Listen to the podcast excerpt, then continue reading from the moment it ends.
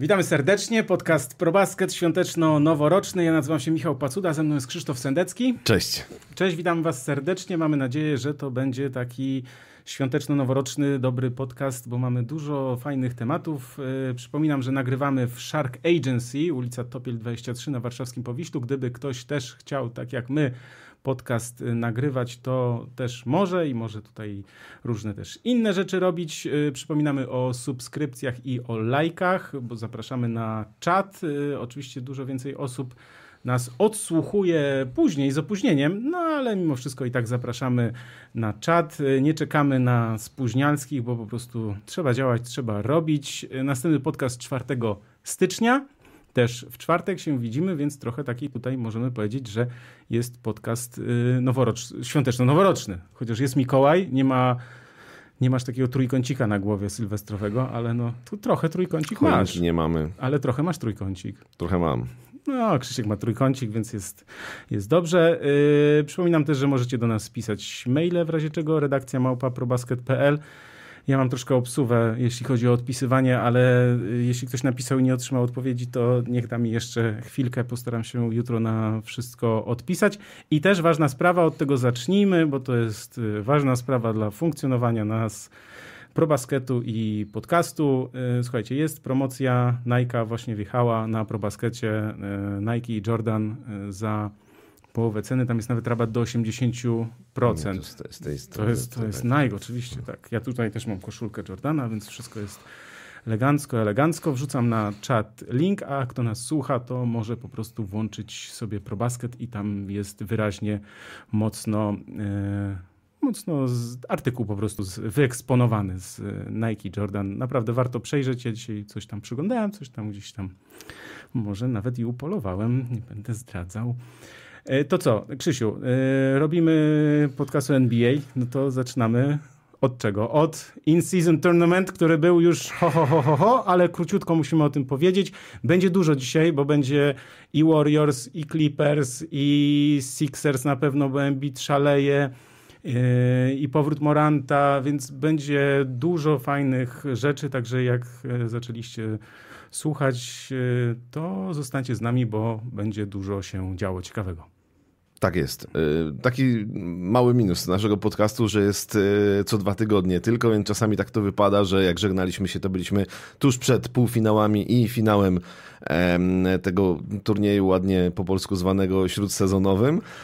Natomiast e, trochę chyba tam nie do końca nam poszły te typy, ale to tym lepsze i tym e, ciekawsze dla mnie, bo to też jest e, coś nowego dla NBA, że jednak jeden mecz decyduje. Znaczy, wiadomo, w play-inach już tak od paru lat jest, ale, ale tutaj jednak grasz o naprawdę wysoką stawkę, jednak mimo wszystko. Widać było to szczególnie po koszykarzach Indiany i szczególnie po koszykarzach Lakers i szczególnie, chyba najszczególniej po LeBronie Jamesie, że jednak oni bardzo, bardzo chcieli wygrać, więc Koniec końców e, w finale znaleźli się Los Angeles Lakers i Indiana Pacers. Lakers wygrali 123 do 109. No i tak jakbyśmy mieli szybciutko powiedzieć, to e, obie ekipy mocno e, nastawione na wygraną. Dla Indiany no to jest właściwie pierwsza, pierwszy jakiś mecz o coś, no pewnie od 2000 roku, od finałów bo, bo chyba później e, nigdy aż tak mocno gdzieś tam nie, by, nie bili się o mistrzostwo, o żadne tytuły. E, e, Lakers, no to, co powiedział LeBron James po wszystkim. Nikt mi już tego nie odbierze, że w wieku 39 lat wygrałem ten pierwszy turniej, zostałem MVP, bo on został MVP, yy, pamiętajmy, że całego turnieju. Nie meczu finałowego, bo to było też sporo dyskusji, bo w finale absolutnie fenomenalnie zagrał Anthony Davis.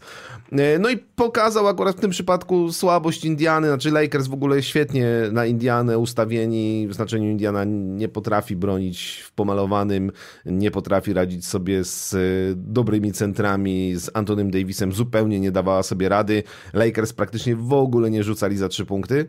13 zaledwie trójek, tylko dwa celne rzuty za trzy, ale co z tego, skoro i tak e, ten mecz e, wygrali e, i no, wielki LeBron James, wielki Anthony Davis. Anthony Davis trochę pokazujący nam, że no tak, ten gość mógł być naprawdę największą gwiazdą ligi, że może może trzeba zapamiętać go z bańki w Orlando, z tego, takiego meczu jak ten finał tego turnieju z Indianą.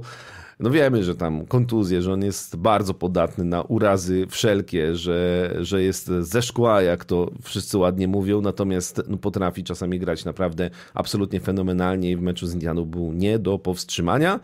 E, LeBron był LeBronem, e, no i Lakers w tym turnieju jako, jedyna drużyna, co jasne, nie przegrali e, żadnego meczu, także grupowego, więc duże brawa, tak jak wspominaliśmy poprzednio, Trudno dzisiaj przewidzieć, jaki będzie prestiż tego turnieju w następnych latach, jak to się rozwinie. Natomiast mam wrażenie, że NBA będzie stawiać na rozwój tego turnieju, na to, żeby on był. Ta rywalizacja była fajna, mi się to podobało. Jeden mecz grasz dalej albo kończysz turniej. E, tak było od ćwierćfinałów, wcześniej te rozgrywki grupowe, gdzie też liczenie małych punktów, więc trochę też niezgodnie z tym, co w NBA się dzieje, że tam zazwyczaj końcówka jak już jest i wiadomo, że jedna drużyna wygrywa, no to już ostatnie sekundy, klepanie piłki na środku boiska, podanie sobie dłoni dziękuję, a nie jak w Europie, że jeszcze przegrywam dziesięcioma, ale wezmę jeszcze czas, bo mam jeszcze czas do wykorzystania na sekundę przed końcem i rozrysuję akcję, nie? To nie. No to tutaj trochę tak było, więc e, takie małe zamieszanie się odbyło i no i co? No i w sumie to fajnie, że LeBron wygrał. E, w ogóle to jest fajna historia. Znaczy fajnie żyć w czasach, w których jako dzieci oglądaliśmy Jordana, później jako nastolatki, czy tam starsze nastolatki, nie no już dorośli przecież też, oglądaliśmy Kobiego e, i teraz e, ciągle oglądamy Lebrona, bo gość jest prawie w naszym wieku, a, a jednak ciągle jest jednym z najlepszych koszykarzy na świecie i co byśmy nie powiedzieli o Lebronie, znaczy ja mogę powiedzieć, że Jordan był lepszy od Lebrona, nie? Wiadomo. Natomiast co byśmy o nim nie z powiedzieli... się nie dyskutuje. Dokładnie. Natomiast co byśmy o nim nie powiedzieli, no to jest absolutnie fenomenalny koszykarz, cyborg, jeśli chodzi o, o, o zdrowie, kondycję. E, absolutnie unikatowy zawodnik, więc e, możemy się nabijać, że to tam, wiesz, puchar Biedronki czy czegoś tam, ale Barka. E, też może być, więc jakbyśmy tego nie nazwali, pierwszy turniej in-season tournament wygrany przez Lakers, MVP LeBron James jako jedyny w historii ligi ma tą statuetkę, więc, e, więc to, chyba, to chyba tyle. Tak, i ja mam tutaj taką ciekawostkę, bo tak chciałem odnośnie jeszcze tylko tego e, turnieju powiedzieć o takiej rzeczy, bo też niesamowite jest to, jak zawodnicy potrafią wrócić. E, zaraz to powiem, natomiast odnośnie Indiany, to rzeczywiście taki sezon dla nich świetny początek, natomiast teraz kilka przegranych meczów i powstaje pytanie, czy to już jest koniec tej, tego fenomenu Indiany, bo tak też może być. Nie, nie ukrywajmy, że no jest trochę problem z tym, żeby to utrzymać w takiej ciągłości, dlatego że wiemy, że oni w pewnym momencie byli najlepiej rzucającą i najgorzej broniącą, co w ogóle było pierwszym przypadkiem w historii. E, więc oni potem zaliczyli raz, dwa, trzy, cztery mecze w papę.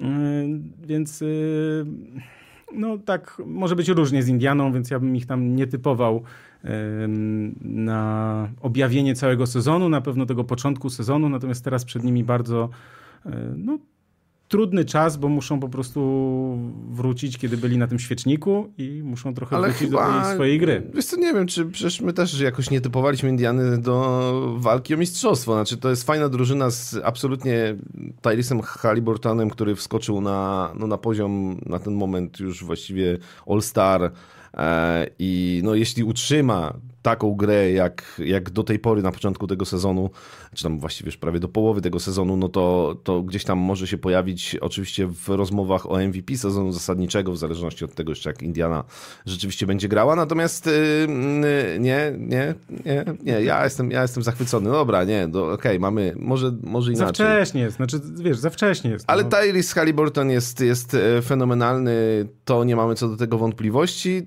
To co z Indianą, no to, to, to jest, wiesz, no Rick Carlisle musi nauczyć ich bronić, pewnie tam jest potrzebne kilka, mm, kilka transferów, pewnie bardzo E, chociażby ten mecz z Lakers, ale też ten z Milwaukee, gdzie Janis e, rzucił e, 64 punkty, tak? To było. Z, e, To później, właśnie o tym chciałem powiedzieć, to nie zabieraj. No dobra, ale chodzi, że też pokazuje, jaki oni mają problem właśnie pod koszem, że, że nie mają żadnej odpowiedzi na, na zawodników tych najlepszych, nazwijmy to podkoszowych centrów, czy tam e, do, generalnie zawodników 4-5 tych najlepszych, no to, to w Indianie nie. Super strzelają.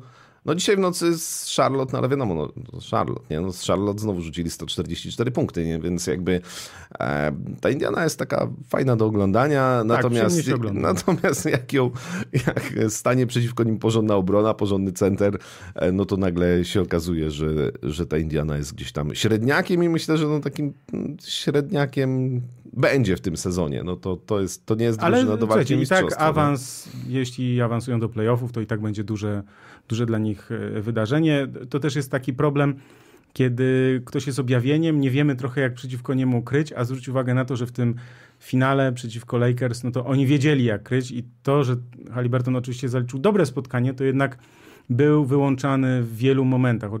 Nie generowało to strat, nie generowało to nawet wielu niecelnych rzutów, ale powodowało to, że on na przykład nie uczestniczył w akcji tak, jak normalnie by uczestniczył, tak jak to było e, zawsze wcześniej. Natomiast ja chciałem powiedzieć o tej rzeczy, właśnie o tych powrotach, bo tutaj wiecie, gonitwa myśli, człowiek chce powiedzieć 300 rzeczy naraz i zawsze się pogubi. E, Warto zwrócić uwagę na to i mi się wydaje też, że to jest bardzo wartościowe, że jak zawodnicy potrafią odpowiedzieć po słabych meczach. I ja sobie sprawdziłem, nasz kolega e, Zion zagrał e, no, słabe spotkanie, jeśli dobrze pamiętam, z Lakers. E, Natomiast potem po tym, po tym meczu zagra, grali z Minnesotą i on rzucił 36 punktów i wygrali. A był, bo wiesz, to Las Vegas to było na świeczniku, byłeś i tak dalej, nie? I tak, zaliczasz dołek, no to tak, możesz się załamać, możesz płakać w poduszkę, być wkurzonym, nie czuć się dobrze pewnie sobą i tak dalej. Natomiast on przeciwko e, Minnesocie 13 na 17 z gry, e, 10 na 12 z wolnych, 36 punktów, wygrali 121 do 107. A kolega nasz serdeczny przyjaciel Janis Antylopa przegrali e, z Indianą, rzucił 37 punktów w tym meczu. Potem wygrali z Chicago, rzucił 32 i rewanż z Indianą i on im zasadził 64 punkty, to co, to co powiedziałeś. No to to jest w ogóle, wiesz, 20 na 28 z gry i teraz uważaj, 24 na 32 z osobistych. No, robił tam po prostu 14 zbiórek przy okazji oczywiście i tak dalej. No, robił tam co chciał. No, To, ale, liczbowo najlepszy mecz Janisa w karierze. tak, ale najlepsza akcja z tą piłką, afera z piłką, bo e, afera z piłką była taka, że e, Pacers zabrali, bo tam jakiś ich zawodnik zdobył pierwsze punkty w NBA, no i oni tą piłkę zabrali, Janis tam się o to wkurzał, chciał oddać tą piłkę mamie. Ogólnie e, afera piłkowa, tak zwana, to jest oczywiście troszkę pół Z żartem, biegiem pół do szatni, Tak, tak, tak, tak. E, poszukiwaniem piłki Natomiast tak jest Mhm. potem żart, był w sensie wykorzystywany ten wątek, bo jak Branson rzucił chyba 50, 50 czy tam 50? Chyba 50 punktów, no. No, tak. 50 punktów rzucił, e, to e, Julius Randle trzymał, trzymał piłkę i mówi mam, mam, mam, mam ją tutaj, trzymam, zachowuję i tak dalej. Więc to taki śmieszny wątek. Więc teraz przed e, Lakers, bo możemy tutaj sekundkę o Lakers powiedzieć, bo oni przegrali e, potem przegrali w Dallas, przegra, wygrali z San Antonio i potem przegrali z San Antonio, kiedy San Antonio Mhm. przerwało serię porażek i potem przegrali z Nowym Jorkiem i przegrali też w Chicago, to dosłownie O, było ten mecz oglądałem. minionej nocy, tak, no to tam Anton Davis, wiesz, on jest z Chicago, bo przypominam, jak ktoś nie wie, to jest taka śmieszna historia, mogę opowiedzieć ją po raz 38, że jak mieszkałem w USA, y, to było na przełomie lata rok 2000 i 2000 2001, to y, moim współlokatorem był y, kuzyn, taki prawdziwy kuzyn, nie przyszywany, kuzyn Antonego Davisa, Davisa e, Shaky miał pseudonim, Lashon Jones i no, no, jesteśmy w kontakcie do dziś. y, y, I pamiętam, że gdzieś, ponieważ Anton Davis miał wtedy chyba z 9 lat i nie, nie sprawdziłem tego tak, e, nie potrafię tego powiedzieć tak na 100%, ale wydaje mi się, że na gdzieś tam którymś grillu gdzieś tam biegał taki, wiesz, tam od niego z rodziny chłopaczek e, małoletni i bo tam zawsze było mnóstwo ludzi, więc e, możliwe, że to... Jest szansa, że widziałeś Antonego Davisa wtedy w dzieciństwie. W dzieciństwie, tak. To taka e, dygresyjka, śmieszna historyjka. E, pewnie wszyscy z rodziny byli na tym meczu. Anton Davis podkręcił kostkę, potem wrócił do gry, no ale Chicago wygrało. Chicago, które gra świetnie po tym, jak Zacha Lawina zamknęli w szafie. Ja, ja mogę o Chicago powiedzieć Tak, trochę więcej możesz o niż, niż o Lakers przy okazji tego meczu, nie? Bo ja Chicago, przyznam szczerze, chyba pierwszy mecz w całości obejrzałem e, w tym sezonie. E, Rzeczywiście to jest dosyć zabawne, że grają dobrze bez Zaka Lawina. E, fenomenalny mecz w ogóle zagrał e, DeMar DeRozan, no ale też trzeba przyznać, że w tym meczu e, Chicago absolutnie wszystko wychodziło. Mm, Jakby trafiali trójki, e, Kobe White był świetny, więc DeMar DeRozan miał też e, sporo miejsca, też oczywiście mu się działy te jego rzuty z pół dystansu, bo on oczywiście za trzy żadnego rzutu mm, nie trafił, dwa chyba tam razy spróbował i, i na tym to się skończyło, ale, ale grał mnóstwo akcji e, pod kosz, e, mnóstwo kreował. Tak sobie też przypomniałem a propos Jeremiego Sochana i eksperymentu, który się podobno zakończył i pewnie o tym jeszcze pogadamy, że przecież e, też był taki czas, że DeMar DeRozan u Grega Popowicza w San Antonio Spurs był takim rozgrywającym. E, Był taki sezon, gdzie on właściwie Greg Popowicz próbował go jako rozgrywającego e, i też, żeby rozszerzyć możliwości, wachlarz możliwości e, Demara DeRozana. No i w tym meczu akurat tak mm, Chicago z Lakers rzeczywiście bardzo dużo z tych swoich umiejętności rozgrywającego wykorzystał, bo tam też sporo asyst, em, takiego widzenia gry, kreowania kolegów, e, stwarzania przewag, więc e, Chicago się w tym meczu oglądało bardzo przyjemnie. E, Fakt, że no, to jest, tak jak mówię, mecz, który, w którym wychodziło im wszystko. Natomiast y, to jest naprawdę czas, może to da do myślenia władzom Chicago i, i generalnemu menedżerowi, że trzeba coś, trzeba, coś z tą drużyną trzeba zrobić. Znaczy, dobra, wy, ja wiem, to nie jest żaden wykładnik, że oni teraz tam wygrali parę meczów bez Zakalawina, natomiast No, ja mam teorię, mów, mów. no ja mam teorię, znaczy no jest stara teoria, no Z- Zach Lawin nigdy nie będzie liderem drużyny walczącej o mistrzostwo. E, Zach Lawin jest dobrym koszykarzem, ale y, jak ja bym miał powiedzieć, gdzie ja go widzę, to w jakiejś drużynie jako opcja 2 albo nawet 3 drużynie walczącej o mistrzostwo. Jeżeli on jakby jest w stanie się z tym pogodzić, wpasować w tą drużynę, no to może być takim, nie wiem, e, Andrew Wigginsem powiedzmy z mistrzowskiego sezonu Golden State Warriors albo jakimś Aaronem Gordonem, no kimś takim, kto e, może trochę więcej, no dobra. Nie, Ale, ale... nie może być, bo on gra na dwójce, wiesz, jedynko, dwójka, więc to nie może być gość do zadań specjalnych, jak to jest strzelec. No ale, no, ale, mu, nie, no, ale nie może być, on nie może być liderem drużyny. Znaczy jakby albo mu dajemy rzeczywiście jedynkę rozgrywającego obok niego jakąś mega gwiazdę, albo mu dajemy y, porządnego centra, ale lepszego niż y, Vucevic, bo, no bo to też nie jest center, z którym y, zdobędziesz mistrzostwo. Znaczy Chicago Bulls, już mówiliśmy to wiele razy, fajnie, fajnie, e, w takim meczu jak z Lakers e, wszystko wychodzi, natomiast to jest drużyna, która stoi w miejscu, czyli, czyli się cofa. E, To jest drużyna, która, no co, w tym składzie ona będzie walczyła co sezon o playoffy, będzie Nie, grała w play-inach. to Już, słuchaj, już o tym żeśmy rozmawiali, bo przypomnieliśmy ten transfer z Orlando, oddanie piku, który poszedł z e, Franz Wagner. Oni wzięli Wucewicza. Wydawało im się, że dzięki temu wejdą na jakiś wyższy poziom. Pooddawali te piki. Wendell Carter Jr. też i tak dalej. Bardzo dobrzy, w sensie fajni zawodnicy. Natomiast, e, no, że tak to e, jak mawiał mój kolega, fajnie, fajnie, nie za fajnie.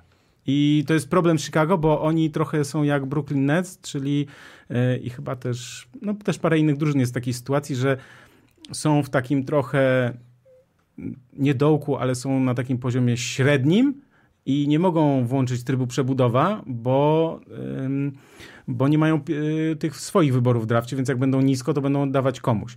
Chicago ma tę przewagę, jedną, bardzo ważną, o której my zapominamy, bo my patrząc z Polski, patrzymy sobie na to zawsze tak, że no, każda drużyna taka sama, oczywiście no, legendarni Lakers, Celtics i tak dalej. Natomiast musimy pamiętać o tym, że takie drużyny jak na przykład, nie wiem, Cleveland, o których ja też chcę dzisiaj jeszcze powiedzieć później, y, nigdy nie pozyskają zawodnika z rynku wolnych agentów, bo jeśli zawodnik z rynku gdzieś decyduje o tym, gdzie będzie grał, to zawsze wybierze Nowy Jork, Boston ewentualnie, wybierze Los Angeles i wybierzesz Chicago jako wielką metropolię, Amerykanin szczególnie, mm -hmm, tak? bo Janis ma Janis, Jokic, to oni mają, wiesz, to jest, to jest też fajne, że ci Europejczycy Ameryka mają... to Ameryka. Amery... Oni wszystko im jedno, bo i tak, wiesz, cały czas w rozjazdach to tam wszystko jedno. Natomiast Amerykanie mają też tak, że no chcą być w fajnych miejscach, tak? Dlatego Miami na przykład, Floryda, wiesz, jest ciepło i tak dalej, to, to ma znaczenie. Dlatego Minnesota ma zawsze problem z, e, z pozyskaniem w taki sposób zawodników, że oni muszą ich sobie albo wychować, czyli wziąć w drafcie, albo muszą dokonać transferu. No i to był taki ruch ze strony Chicago, że chcieli, nie udało się. Ja tylko powiem o Zaku Lawinie, bo jest też ta plotka, oczywiście on jest na teraz, yy, no bo zażądał transferu i tak dalej, no i, i, jest ten temat, że może pójdzie do Lakers na przykład, że pójdzie jakiś transfer i tak dalej, tylko ja mam taki problem z tym, że właśnie tak jak powiedziałeś, że to nie jest zawodnik, to nie jest lider drużyny wygrywającej, bo on może być liderem Ale drużyny. Ale patrz, na przykład w Lakers, y, jak będzie miał u boku LeBrona Jamesa i Antonego Davisa, to, może się otworzyć. Siłą rzeczy y, nie będzie liderem, będzie tak naprawdę przy obu tych panach zdrowych i w pełni sił, y, no właśnie opcją numer 3 e, w ataku. Tylko czy jemu to odpowiada? Bo to jest gość... No jak chce iść do Lakers, to chyba sobie zdaje sprawę z tego, kto tam gra. No tak, ale wiesz, no, no, tak, bo może podejść do tego w ten sposób, że stwierdzi, że tak, no teraz jest fajnie, no troszeczkę oddaję pola tym lepszym, ja będę, zajmę troszkę to miejsce w tym drugim szeregu, Okej, okay. tam się po, y, mam wątpliwości tylko co do jego, że to y, tak zwanego team spirit, bo no, jest taki problem też to, wiesz, że teraz Chicago Bulls grają świetnie, bo jest super atmosfera w drużynie, bo nie ma gościa, który po prostu nie podaje, bo takim idealnym przykładem do tego, e, jak, e, jak gra za Klawin, to jest mecz, co prawda on jest 28 października i przegrany z Detroit, to mm -hmm. chyba, nie wiem, jedna z dwóch, tak, mm -hmm, z wygranych mm -hmm. Detroit. Natomiast on rzucił wtedy 51 punktów, przegrali i on miał zero asyst. To jest, to jest tak zwany Samuel Jackson. Wiesz, podaj do mnie, ja nolne. Pięknie, no. Więc jakby tak, mam tak, wątpliwości, tak, tak. czy to jest ta opcja, która by się w Lakers sprawdziła, no tak powiem. Ale, ale byłoby to bardzo ciekawe. Nie da się ukryć, że na pewno byłby Tylko, hype ogromny. No oczywiście pytanie, kto za niego z Lakers e, do Bulls i w którą stronę, bo, bo też Chicago myślę stoi przed takim pytaniem, czy Zaka Lawina wymienić za jakąś grupę perspektywicznych zawodników, piki w drafcie, iść w głęboką no, ale Lakers przebudowę. też nie mają tam za bardzo no właśnie. Pików, nie? Z drugiej Więc strony jakby... najlepiej, jak, jeśli chcą na tej drużynie, którą mają o coś walczyć, no to e, za Kalawina trzeba by no on zamienić pewnie, za kogoś. No on by pewnie poszedł za D'Angelo Russella, no bo to wiesz, podobna pozycja i też kwotowo tam się musi zgadzać, yy, ale to jest takie gdybanie. Znaczy D'Angelo Russell ma jeszcze ten sezon ważny i jeszcze kolejny. Yy, bo za Klawin też pamiętajmy o takiej rzeczy, że on ma, żebym nie skłamał, ale uwaga, bo teraz wchodzę na moją ulubioną stronę. Yy, oła. Oła. On ma w tym sezonie 40, w kolejnym 43, w kolejnym 46 i potem ma opcję zawodnika za prawie 49 milionów dolarów. Więc to jest też pytanie takie, na które sobie muszą władze Lakers odpowiedzieć, czy oni chcą zawodnika na tak długo, że on, no wiesz, trochę takim miałby być następcą Lebrona, tak? To znaczy że to on miałby z Davisem. Nie chciałbym, żeby Zach Lawin był następcą Lebrona. Znaczy, nie, ja wiem, jakby... ja to rozumiem. Ja to rozumiem. No wiesz, no chłopak nie. ma 28 lat i tak dalej. Jakbym ja miał. No tak, no ale to jakby już. Nie, no, czy w ogóle problem jest taki, że ja bym nie chciał budować drużyny żadnej wokół Zaka Lawina, więc. E, więc. No to jest największy problem. Natomiast tutaj Chińczyk nam pisze, że ławka słaba, no ale to są problemy wtórne. Jakby w Chicago to, że oni mają, to czy ma ktoś ławkę słabą czy silną, to możemy mówić o drużynach e, nie wiem, Boston Celtics, pogadajmy, czy mają wystarczająco silną ławkę, żeby zdobyć mistrzostwo. W Chicago są większe problemy niż słaba ławka, chociaż ona jest oczywiście słaba e, też, jak na tę drużynę. E, a Kierko 72, że w Chicago są, lata są ładne. Lata w znaczeniu pory roku, lata, tak? No ja też byłem w Chicago, wiesz? Latem. Latem i rzeczywiście, znaczy są e, Tam jest parne, gorące. Nie, tam jest, tam, jest, tam jest taka pogoda jak w, jak w Polsce, tylko jeszcze gorsza, bo zimą jest jeszcze zimniej, bo wieje od jeziora, a latem jest tak gorąco i taka jest wilgotność, że wychodzisz do skrzynki na listy i wracasz cały mokry. Tak, ale jest coś absolutnie niesamowitego w Chicago, w wietrznym mieście i to wcale nie jest wiatr, burze. Ja z lata w Chicago pamiętam burze, takie wieczorem pół godziny z takimi piorunami, że po prostu na żadnym filmie nie widziałem. Pioruny siarczyste. Pioruny, błyskawice, takie mega, mega, całe niebo rozświetlone. E, I po pół godziny lania deszczu i tych błyskawic e, z powrotem e, upał. Wiem, pamiętam, Więc- moja koleżanka się bała tych piorunów kulistych i wtedy się dowiedziałem o co chodzi. O Jezu, Ja się pierwszą noc bałem latających samolotów, dlaczego lotnisko jest w środku miasta. Ale przy drugiej nocy już nie zwracałem uwagi. Także tak, lata, no tak, generalnie są ładne lata. No. Lato wszędzie jest ładne. Tak jest. E, Dobrze, to co, gdzie idziemy dalej? Gdzie chciałbyś pójść e, dalej? A, jeszcze Lawin i to e, Sirokfor pisze, Lawin i D'Angelo mają podobne IQ na jedynce, czyli praktycznie zero. No, to coś w tym jest. No.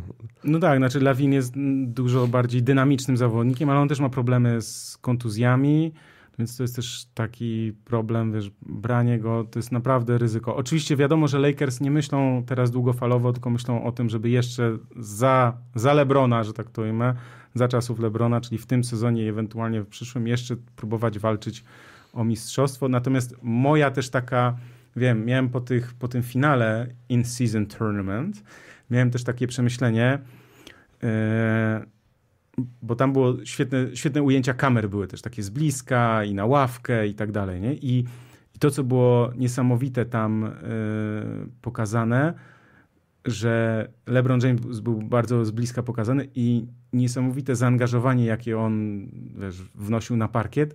Natomiast, jak to, jak to się mówi, jak on siadał na ławkę, to oddychał rękawami. To znaczy był tak wykończony, wiesz, była taka mobilizacja, że ja sobie jakby pomyślałem o jednej rzeczy. Nie da się grać tak całego sezonu. Znaczy, on się zmobilizował na ten, na ten turniej i rzeczywiście grał znakomicie. Natomiast taki, takie zaangażowanie, taki wysiłek fizyczny, że to, wiesz, to nawet w playoffach się tak nie da, jak grasz co drugi mecz, nie? Znaczy co Nie, drugi to, dzień. to jakby intensywność tych meczów, e, generalnie nawet tych e, grupowych wielu pod koniec, to już była intensywność playoffowa Nie, dla znaczy, wielu to było drużyn. super, to było super. Natomiast, no absolutnie, LeBron był napalony totalnie na, na zwycięstwo. Zresztą też właśnie też te zbliżenia mi też zapadł w głowę znowu obrazek Antonego Davisa, którego ja dawno nie widziałem tak e, po prostu naładowanego energią, e, jakby wiesz, chcącego. Widać, że to jest obrazek, widzisz tą jego twarz, te krzyki, wyraz twarzy takiego wkurzonego mega gościa, który po prostu ma jeden cel wygrać, więc, e, więc to akurat było, było fajne, no. Zgadzamy się. Dobrze, gdzie chciałbyś pójść dalej? W którym kierunku chciałbyś Nie wiem, to pójść? ty prowadzisz ten podcast.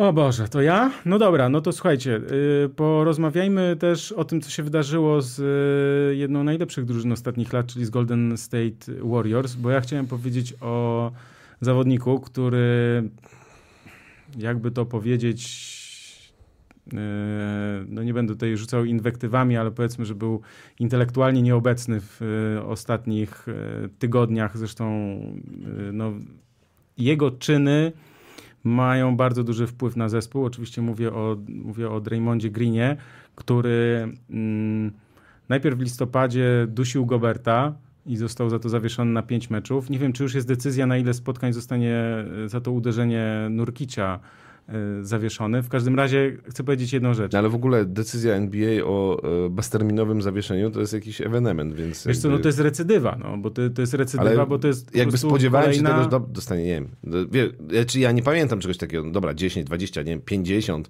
meczów, bez ale, no, no, ale jakby mówię z pamięci, wiesz, jakby e, z, z, zawsze była jakaś liczba. A tu? Zobaczymy. Pan się poprawi, to porozmawiamy. No. Tak, no, no czy to totalna głupota, zachowanie Greena karygodne, uderzył Nurkicia, on się potem bronił, że tam, że nie chciał, zresztą i tak dalej, ale to jest, wiesz, jak nie panujesz nad sobą, nad swoimi emocjami, ruchami, ciałem i tak dalej, no to w ogóle powinieneś się zastanowić nad y, sobą. Też yy, Steve Kerr mówił o tym, że też ma dosyć, zresztą pamiętamy te pamiętamy te, mm, te fragmenty, czy takie było takie nagranie, gdzie tam Steve Kerr powiedział, że tam, że jest zmęczony, już tak go złapała kamera, nie? Że, mhm. że i ewidentnie było, czy słychać, czy widać, że, wiesz, że on powiedział, że jestem zmęczony tym, e, co robi Draymond i użył nawet tam takiego słowa, nazwijmy to ciut wulgarnego. E, więc oni mają ogromny problem z tym, że Draymond Green jest kimś, na kim nie można teraz polegać, bo zachowuje się przedziwnie i nieobliczalnie. I ja chciałem też zwrócić na jedną rzecz uwagę. To oczywiście usłyszałem od mądrzejszych ode mnie i bardziej wtajemniczonych, ale to jest świetna historia do opowiedzenia, dlatego że Golden State Warriors mieli ten czas, kiedy no tam były kontuzje, prawda? Stefa, Kleja y, i oni mieli te dwa takie sezony bardzo dołowali i mieli te wysokie wybory e, w drafcie. I 100 e, milionów kontraktu Draymonda Greena, jest taka teoria, że e, są efektem złych wyborów w drafcie. To znaczy, oni wzięli Jamesa Wisemana w 2020 roku, nie chcę mówić, żeby, że powinni wziąć Lamelobola z trójką, no bo on by pewnie nie pasował, ale tylko powiem, bo to jest fajna taka rzecz. Ja zawsze lubię sobie tak potem przeanalizować. To najlepsza zabawa. No. Najlepsza zabawa, ale to nie chodzi o to, że o, co za tam, wiesz, jak przed telewizorem, wiesz, co tam hmm. za idioci, czy tam coś, nie? Tylko, tylko bardziej chodzi o to, że kurczę, jak to jest trudne do przewidzenia. Przecież tam pracują, w każdym klubie pracują, naprawdę, no w większości pracują fachowcy. Wydawało się, że Wiseman jest gościem, który się w Golden State Warriors może dobrze rozwinąć i będzie pasował, nie? No właśnie, no bo środkowy, że idealnie. Nie, się nie rozwinął On się nie rozwinął, natomiast tam ja też sobie sprawdziłem, bo y, w tym drafcie z dwunastką był Halliburton, z dwudziestką jedynką Tyrese Maxi, czyli dzisiaj no, jedna z największych gwiazd i lider jednej z najlepszych drużyn w Filadelfii. E, z 30 był Desmond Bain, jeszcze z 11 był, był Devin, e, Devin Vassell z San Antonio. To akurat może jeszcze przed nim trochę kariera musi się rozwinąć, natomiast to też będzie gość, który naprawdę będzie bardzo dobrym e, strzelcem, takie mam poczucie.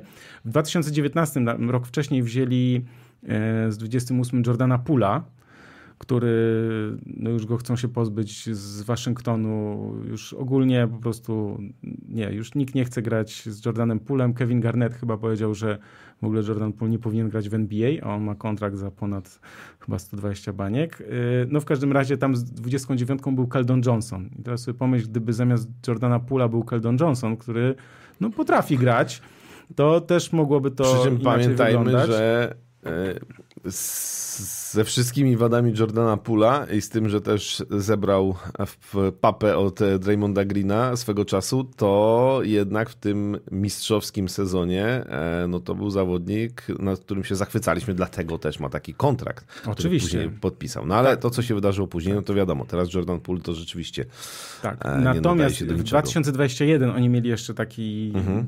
wysokie te numery i tak, z siódemką wzięli Kumingę, ja nadal twierdzę, że tam potencjał jest. To jest młody chłopak skoczny i być może on jeszcze w ogóle wejdzie na dużo wyższy poziom. Natomiast z ósemką był Franz Wagner. No, boli, boli. Natomiast z czternastką wzięli Mosesa Moody'ego.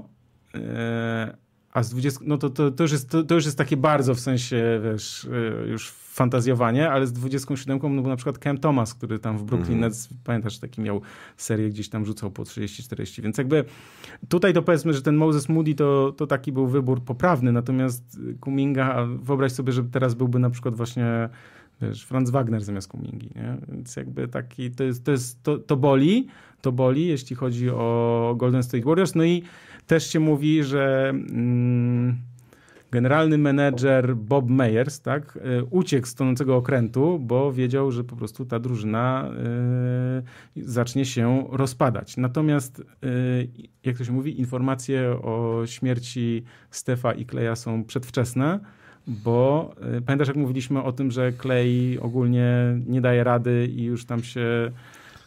no No, no to Clay Thompson, proszę ciebie, zaliczył parę dobrych naprawdę e, meczów. Ostatnio 24, 28, 24, 30, więc tam i trafiał 8 na 12 za 3, 5 na 10. Tam tu byłbym ostrożny, dlatego że to dla fanów Golden State Warriors dobra informacja, bo Clay Thompson w zeszłym roku też miał bardzo słaby początek sezonu i musiał dopiero wejść w ten sezon, więc Tutaj e, jeszcze nie wszystko stracone. Steph oczywiście jest sobą, aczkolwiek musimy przypomnieć, że przerwał serię 268 meczów z celnym, z przynajmniej jedną celną trójką. I to było w meczu z Portland 8 niecelnych e, rzutów. Oni co prawda e, wygrali z Portland, ale Steph nie trafił żadnej trójki, co było dużym zaskoczeniem. 268. Oglądałem mecz z Bostonem i tam Reggie Miller e, chyba ten mecz z Bostonem, tak. E, Reggie Miller się śmiał. Ten z dogrywką, tak? Tak. No. Znany Reggie Miller, legenda, super strzelec Indiany Pacers w lata 90. E, dla młodszych widzów, przypomnienie. Yy, no i Reggie Miller mówił, kurczę, ja myślałem, że moje 68 chyba, czy tam ileś, to było dużo, nie? a teraz jest po prostu, a tu ten ma 260, miał, miał 200, znaczy ma 268, na tym się zatrzymało to, to wszystko. Yy, Golden State Warriors wygrali po dogrywce z Boston Celtics i to był... Brandon Podziemski w pierwszej piątce.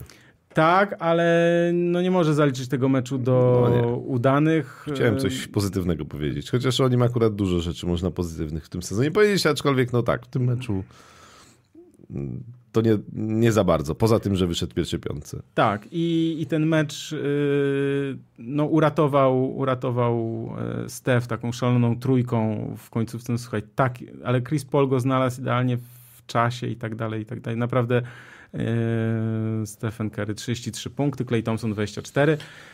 Ale na co chciałem zwrócić uwagę, bo coś o Bostonie, żebyśmy też yy, powiedzieli, że tam zabrakło naprawdę niewiele do tego. To, yy, to taki mecz, kiedy, bo była dogrywka, ok, natomiast no Golden State Warriors odrobili, bo tam już przegrywali wyraźnie, mocno, tam chyba 16 czy 18, ale um, była taka taka, te, takie sytuacje pod koniec meczu i chyba też w tej dogrywce, że naprawdę ta piłka tak zatańczyła na obręczy, że, to, że Golden State Warriors wymęczyli, wyciągnęli to dzięki tam niesamowitemu rzutowi i w ogóle dobrej, grze, dobrej grze Stefa, ale ale to było tak, to, to masz taki, kończy się ten mecz, masz takie poczucie, dobra, wygrali, ale tak naprawdę Boston no, wiesz, nie tra- dwa lejapy i byłoby zupełnie inaczej. E, nie? Bez Porzingisa e, w tym starciu. Natomiast ja nie jestem takim optymistą, szczególnie co do Kleja Thompsona, e, jak ty. Znaczy, nie, wydaje inaczej... mi się, że to już no,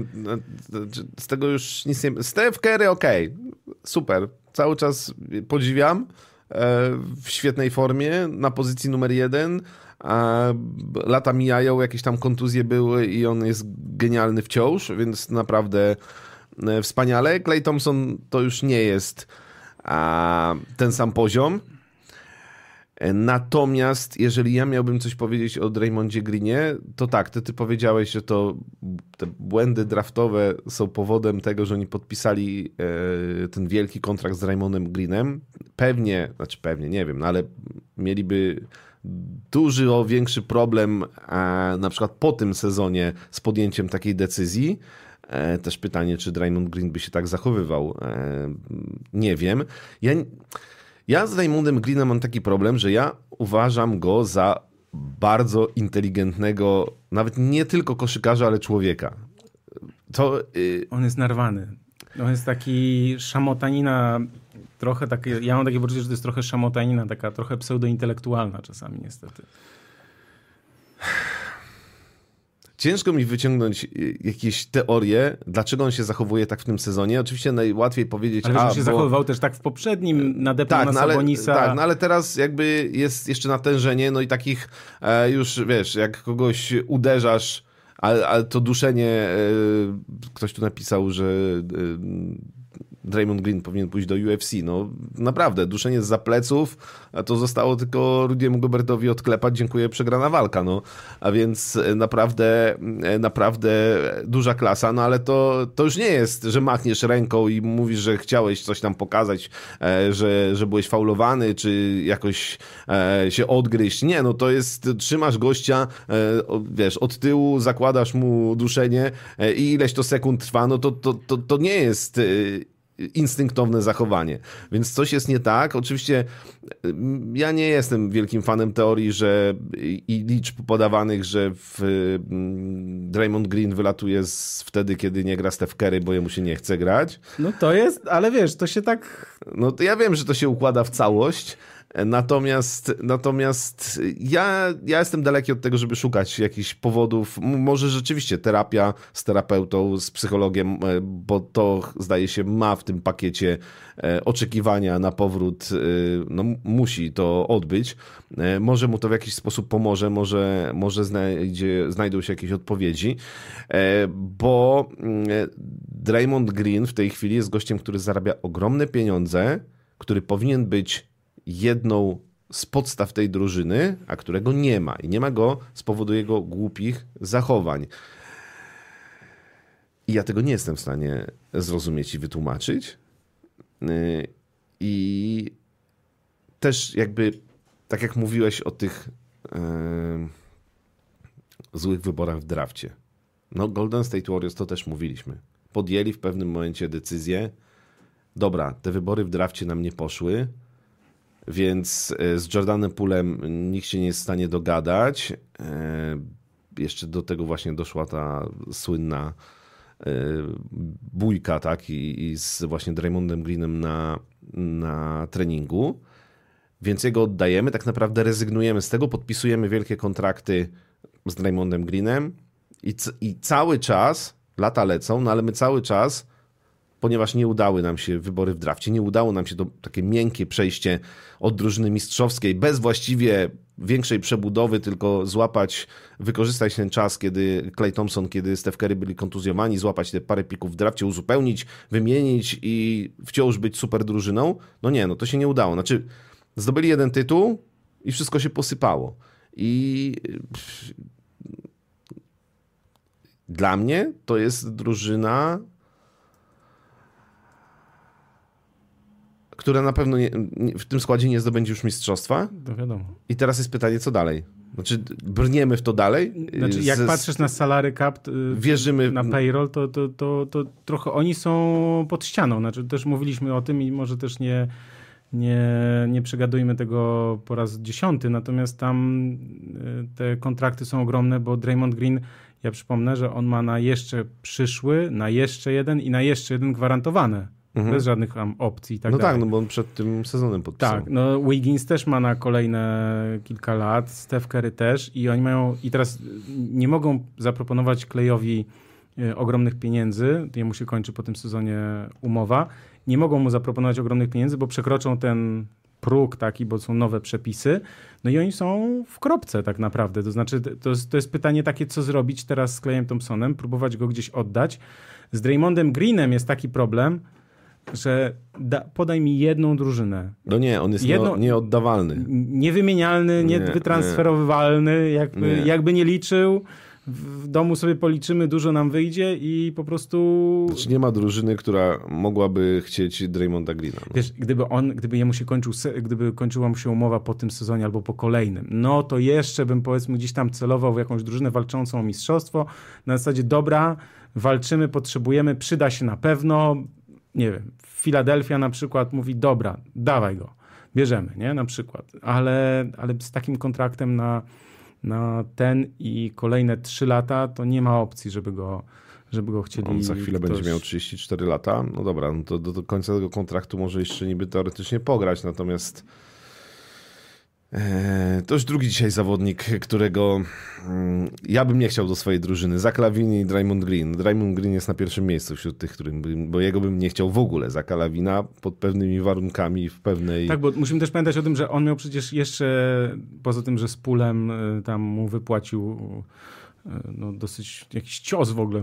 No tak, tak. tak no, ten, to, to pamiętajmy, że jeszcze była ta sytuacja, że kiedy Kevin Durant grał w Golden State Warriors, to oni też się spieli i spieli się do tego poziomu w szatni po jakimś chyba przegranym meczu z Clippers, że, mm, że Draymond Green został zawieszony przez klub, żeby pokazać Durantowi, że tam i tak dalej, sorry, no bo y, Durant jest trochę sensitive i taki, wiesz, wrażliwy na to, co inni mówią, no ale tam musiało pójść naprawdę coś mocnego, wiesz, no Draymond Green jest gościem, który po prostu też wprowadza, może wprowadzić ciężką atmosferę. Dobra, nieważne. Narwany, jak tak się mówi. Tak, ładnie. tak, tak. Więc jakby y, dobrze. Y, zostawmy Golden State Warriors. Ciężki przed nimi czas. Y, nie wyobrażam sobie, żeby wymienili Stefa Kerego. Raczej będą nie. próbowali coś robić, natomiast Stef, wiesz, no w życiu Stefa, on ma 35 lat, też może przyjść taki moment, że on powie, tak jak Damian Lillard, słuchajcie, zrobiłem wszystko tutaj, już nic, nic nie wyjdzie i mnie wymieńcie. Oczywiście on chyba nawet deklarował, że nie, e, że nie chciałby takiego scenariusza, natomiast no co, no, będzie w drużynie przez następne trzy lata, czy do końca kariery w drużynie, która by się będzie biła o playiny, to to jest ciężko. No ale to zostawmy go. Z drugiej strony wiesz, Steph Curry przynajmniej jest w tej lepszej sytuacji w porównaniu z e, Lillardem, że jednak zdobył kilka tytułów, zdobył kilka statuetek MVP. Może stwierdzić, że chce skończyć karierę w Golden State Warriors bez względu na wszystko i to się dzisiaj zdarza coraz rzadziej jednak, a to zawsze jest jakaś tam fajna historia. On już no wiadomo, że pewnie chciałby wygrać jeszcze więcej, natomiast jak kiedyś ta kariera się skończy, to, to tak czy inaczej będziemy o niej mówić, że to była wielka i niesamowita kariera. Oczywiście. E, więc tak. Myślicie, że rynek kontraktów w NBA się zmieni? Pyta Filip. Mam na myśli to, że nie będą lekką ręką dawać maksów dla zawodników typu Green, Gobert na rzecz wysokich kontraktów w większej liczbie graczy. Trochę to, jest... to wymuszą te nowe przepisy, Mhm, ale to jest w ogóle ciekawy wątek. Mi się wydaje, że też go gdzieś, yy, może ja go poruszałem w trakcie poprzedniego sezonu. Yy, w tych moich indywidualnych nagraniach. To jest, to jest bardzo ciekawy case, dlatego że te nowe przepisy po, sprawiają, że preferowani są, jak ja dobrze pamiętam, to jest tak, że jest taka tendencja powstała, że, że ta no, te nowe przepisy preferują zawodników, którzy właśnie mają gwiazdy bardzo wysokie kontrakty, natomiast ten, te średnie kontrakty pospadały jakby, wiesz, znaczy na, niżej, na, na niższy pułap spadły. I to, był, to jest taki problem, z którym e, myślę, że Związek Zawodników troszkę tego nie przewidział, nie przemyślał, no bo, no bo to jest tak, że mniejsza grupa ma więcej kasy, a większa grupa ma mniej kasy. Mhm. I to jest problem e, ogólnie NBA. Ja jestem bardzo ciekaw, w którą tu stronę pójdzie, czy rzeczywiście będą takie próby e, gdzieś tego wypośrodkowania. Natomiast wiecie, to jest też taki problem. E, to jest taki problem, że, no, że drużyny zawsze się znajdzie ktoś, zwłaszcza z tych słabszych drużyn, kto będzie chciał, tak nie wiem, tak jak Cleveland, chcieliby zaproponować Michelowi, Donovanowi Michelowi bardzo dużą kasę, tylko on, on już jakby mówi, że nie chce, tak? w sensie, mm. że, że nie podpisze.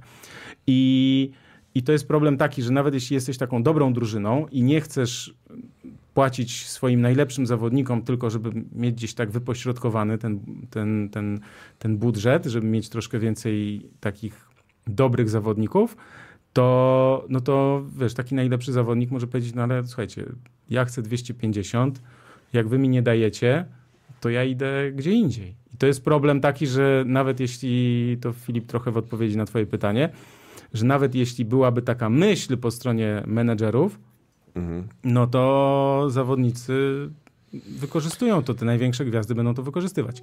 Tak, znaczy tak, natomiast ja i tak myślę, że większy problem jest właśnie z takimi gwiazdami typu no, Rudy Gobert jest najlepszym przykładem, chociaż obecnie w tym sezonie Draymond Green pewnie też, pewnie Jordan Poole, e, no ale okej, okay, no to są takie e, prze, przepłaceni, ale na przykład Rudy Gobert, no bo Jordan Poole, okej, okay, zagrał świetny sezon, zdobyli mistrzostwo, dostał wielki kontrakt, e, posypało się wszystko. Draymond Green, no to rozmawialiśmy, ale Rudy Gobert e, dostał wielki kontrakt e, i on gra i Minnesota wygrywa i on tam nie jest największą gwiazdą, a ma ogromny kontrakt, e, który dostał jeszcze w Utah Jazz oczywiście, nie? Natomiast ja mam cały czas takie przekonanie, że to nie jest zawodnik, który zasługuje na takie pieniądze. Tak po prostu. No, on nie jest, to nie jest ta największa gwiazda, e, która powinna tyle zarabiać. No i, i myślę, że to jest mimo wszystko największy problem. Oczywiście no zobaczymy też, jak, to, jak te przepisy będą wprowadzane w życie przez, przez kluby i, i tak jak mówisz, no, w którą to stronę powędruje. No tak, na pewno tacy zawodnicy jak Harden nie mogą już liczyć na takie ogromne pieniądze. Chociaż zobaczymy też, co będzie w Clippers, bo tam się kończą też kontrakty tym, tym. Ale do, do Clippers zaraz dojdziemy. Natomiast wiem, co chcę też powiedzieć odnośnie tej kwestii, jak się zmieni ten rynek kontraktów. To już yy, wybory w drafcie, na przykład Miami Heat, którzy wzięli Juana yy, Haske, Haskes. Tak, Haskes, no. Tak, właśnie, przepraszam. To to jest yy, to, to, yy, to, co się zmieni i co, to, to, co już widać, to to, że kluby podczas draftów, no nazwijmy to poza tą pierwszą dziesiątką, może powyżej, znaczy dalej niż 15, nie będą już brali 19-20-latków, którzy być może coś osiągną, tak zwane diamenty do oszlifowania, talenty i tak dalej, tylko że oni będą starali się brać zawodników, którzy są już gotowi do gry. I ten y, zawodnik z Miami Heat, y, to się czyta Hemi, tak? Bo to jest... Hemi Hackes. Hemi Hackes, przepraszam. To on jest idealnym przykładem tego, że on ma ze sobą chyba 4 lata gry na uniwerku, jest starszy od wszystkich debiutantów. On jak wyszedł w lidze letniej, to tak jakby wiesz, dorosły z dziećmi grał. Po prostu oni się odbijali od niego jak od ściany i e, no i, i, i to jest zawodnik, który już teraz może pomóc drużynie. I to jest na pewno ta kwestia, która tutaj będzie podczas draftu już myślę, że no już myślę, że wdrażana. Ja jeszcze podrzucam taką ciekawostkę na czacie i jak ktoś słucha, to może sobie też wpisać w Google um, NBA, to oni blokowali możliwość transferów. Teraz się zacznie. Znak zapytania to jest tekst e, Michała Kajzerka z 1 grudnia na ProBaskecie i tam jest cała lista zawodników, którzy mogą być wytransferowani od 15 grudnia, bo y, podpisywali kontrakty ostatnio i też jest cała lista zawodników, którzy mogą być wytransferowani dopiero po 15 stycznia. Y, I to jest też kolejna pula zawodników. I też jeśli rozmawiamy o ewentualnych transferach, to musimy pamiętać po prostu, że, że przez to, że ci zawodnicy podpisywali niedawno kontrakty, no to jest ograniczona liczba zawodników na rynku. Teraz część tych graczy się odblokowała, bo mówimy tutaj też nie chodzi o, o takie gwiazdy właśnie jak, nie wiem, Lawin, czy kto tam jest jeszcze, nie wiem, na, na tym rynku, Siakam, e, tylko chodzi też o, o to, że czasem te, te, transfery trzeba uzupełnić kimś, prawda, bo to musi być, nie wiem, 2 za 1, 3-2, 2 za 2 i tak dalej, i tak dalej i i myślę, że to też będzie miało wpływ na to. Co prawda, ja myślałem, że już to się zadzieje teraz, ale widać, że może jeszcze, jeszcze parę tygodni. Jeszcze chwilę. Jeszcze chwilę, tak. E, Gniewko pyta, czy kontrakty przypadkiem nie mają też czegoś wspólnego ze sprzedażą koszulek, biletów, gadżetów, a nie tylko jakoś gry zawodnika? Ja bym powiedział, znajdź mi takiego zawodnika, którego koszulki się super sprzedają, a gra słabo. Znaczy, to są jakieś strzały w stylu Derricka Rose'a zaraz gdzieś po kontuzjach, do, pewnie do tej pory jego koszulki i buty się sprzedają całkiem nieźle, ale on nie ma, e, on ma w tej chwili już kontrakt weterana od dłuższego czasu, bo po prostu praktycznie w ogóle już nie gra. E, więc, więc ja bym powiedział, że to idzie w parze. Znaczy na zasadzie sprzedają się koszulki gwiazd najlepiej, E, I to drużyn na lokalnym rynku, ale. Tak, to... tak, tak. No i jakby gwiazdę NBA na globalnym rynku, więc to powiedziałbym, że to idzie w parze. No. Tak, trzeba też pamiętać o jeszcze jednej kwestii, jak już zeszliśmy na, na temat kontraktów, że e, salary cap będzie się zwiększało w, wraz z, wiek, z większymi przychodami NBA. To się ma tam o ileś procent, nie wiem czy o 10, czy już teraz nie pamiętam. E, zwiększać co roku. A więc dzisiaj podpisany na przykład kontrakt, wiesz, na nie wiem, 25 za sezon e, Draymonda Greena, on już za rok czy za dwa jest innym procentowo obciążeniem e, w, w tej puli e, w, sumie, tak? W, w, sumarycznych tych kontraktach. Więc to trzeba wziąć pod uwagę, natomiast nie zmienia faktu, że no, pewne kontrakty są, nazwijmy to, tyle warte, nazwijmy, war, znaczy w sensie są dobre i takie kontrakty właśnie za, nie wiem, 15-20 to mogą być za dwa lata bardzo dobre mm, kontrakty. Y, zaraz mam taką drużynę, która y, zaskoczyła, y, tylko muszę to znaleźć, bo Portland Trail Blazers podpisywali kontrakt z Jeremy Grantem i wszyscy się zastanawiali, dlaczego oni mu dali tam 123 miliony, bo on ma teraz, wiesz, 27,5, potem będzie miał 30, 32, 34. Dzisiaj, czy przed chwilą, to wszyscy, wszyscy się zastanawiali, Boże, to strasznie dużo, po co Portland to robi i tak dalej. Natomiast oni mogą to wykorzystać, po pierwsze, że Jeremy Grant jest dobrym zawodnikiem, ma 29 lat, więc jeszcze pogra na wysokim poziomie. Oni to mogą wykorzystać przy okazji transferu i za rok na przykład ten kontrakt Granta może być naprawdę atrakcyjny dla, dla wielu drużyn, że dzisiaj on ma trochę inną wartość, inaczej na to patrzymy niż to będzie za rok, za dwa. Nawet pozyskując go teraz, to inaczej patrzymy w sensie mm. w perspektywie tego budowania drużyny. Dlaczego Lawin uważany jest za gwiazdę? Nie, ja nie uważam Lawina za gwiazdę lokalną w Chicago. No jest, no dlaczego? No, każda drużyna ma swoich liderów, ma swoje gwiazdy. Nie jest super gwiazdą NBA. To, to jest jakby ustalmy, tak? To jakby, bo to jest ten superstar i jest po prostu... Gwiazdeczka. Gwiazdeczka, zawodnik, który się, nie wiem, zagra w meczu gwiazd albo ociera o mecz gwiazd, raz zagrał, raz nie. Chociaż kiedyś chyba Kyle Korver zagrał w meczu gwiazd, więc jakby tutaj Słuchaj, lista ludzi, którzy zagrali w meczu gwiazd z niewiadomych przyczyn jest dosyć długa. Charles Oakley kiedyś zagrał. Ale Oakley to przynajmniej, wiesz, był kawał chłopa, no coś tam w tamtych czasach. On się z Draymondem Greenem mógł dogadać. Tak. Yy, dobrze, to co, lecimy dalej? Czy ty byś chciał coś powiedzieć o którejś z drużyn, którą, której jeszcze nie wymieniliśmy? Czy jak to byśmy sobie teraz poukładali. Ale ma, mamy, mamy tam w rozpisce powrót Jamoranta? No oczywiście. Możemy o tym y, powiedzieć. Czy chcesz o tym powiedzieć? Powiedzmy. Czy chcesz, żebym ja o tym powiedział? A, mów. Dobrze, no to Jamorant y, wrócił po zawieszeniu na 28 chyba, nie, 25 meczów.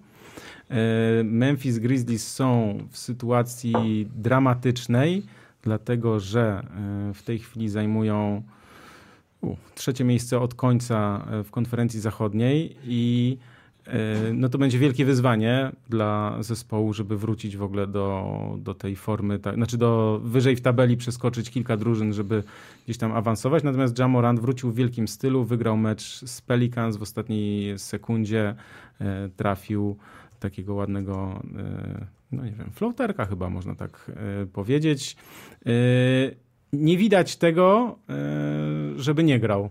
To jest bardzo ważne. W tym sensie, że wiecie, on powiedział, on powiedział po tym meczu, że on nie zagrał, on nie grał od 8 miesięcy, bo to e, pamiętajmy, że on e, był jeszcze wcześniej zawieszony, więc on mhm. długo, długo odpoczywał.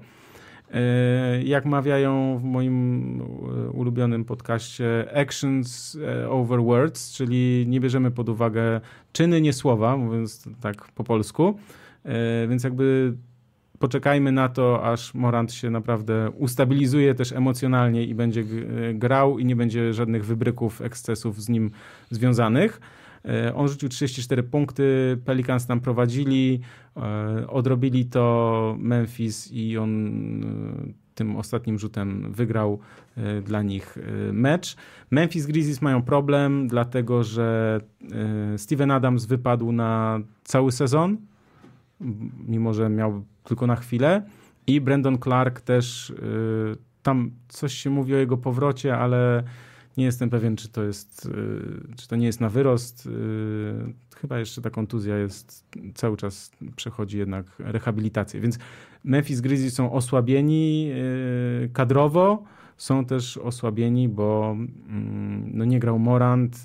Tam przyszedł też Marcus Smart, który no nie, nie może zaliczyć do udanych tych, tego sezonu jak na razie, więc no Memphis Grizzlies mają problem, bo żeby wejść wyżej w tabeli, no to muszą grać, wiesz, jak taka drużyna no tak jak oni grali ostatnio, tak? Czyli nie wiem, tak jak grali na poziomie drugiej drużyny w sezonie zasadniczym, no to oni musieliby wejść teraz na, na taki poziom, żeby grać naprawdę jak druga, trzecia, czwarta drużyna na zachodzie, co nie jest niemożliwe, bo Morant jest szalony i może im sporo meczów y, wygrać. Natomiast y, no jest tutaj duży znak zapytania, jak to się będzie działo, bo jeszcze ważna kwestia jest taka, bo to też chcę w ogóle przy okazji w ogóle kilku drużyn powiedzieć, dlatego że e, teraz jest taki okres sprawdzianu dla wielu zespołów, dlatego że e, Boston wyruszył w taką trasę na, na zachód.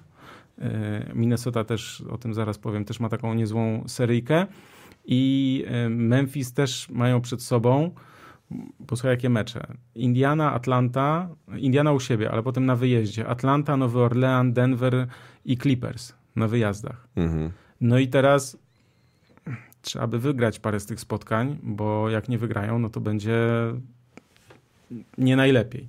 Więc y, bardzo trudny też dla nich y, terminarz, sporo meczów wyjazdowych, potem też w styczniu, więc y, ten, ten zachód też w ogóle, to, ten zachód jest tak napakowany, w sensie te drużyny, tam jest tyle drużyn, które chcą i, i walczą o, o wysokie cele, bo wiesz, bo jak spojrzymy w tabelę, Minnesota na pierwszym miejscu, Oklahoma City na drugim i potem mamy Denver, Clippers, Sacramento, Dallas, jest Nowy Orlean, jest Los Angeles Lakers, Phoenix Suns dopiero na, dziesiątym. Mhm. Więc tyle o powrocie Moranta. Cieszymy się, że wrócił. Życzymy Miejmy wszystkiego nadzieję, najlepszego. Że ustatkował się, uspokoił mentalnie, jakby będzie skupiony już tylko i wyłącznie na koszykówce, to nie są wcale e, łatwe sprawy do ogarnięcia.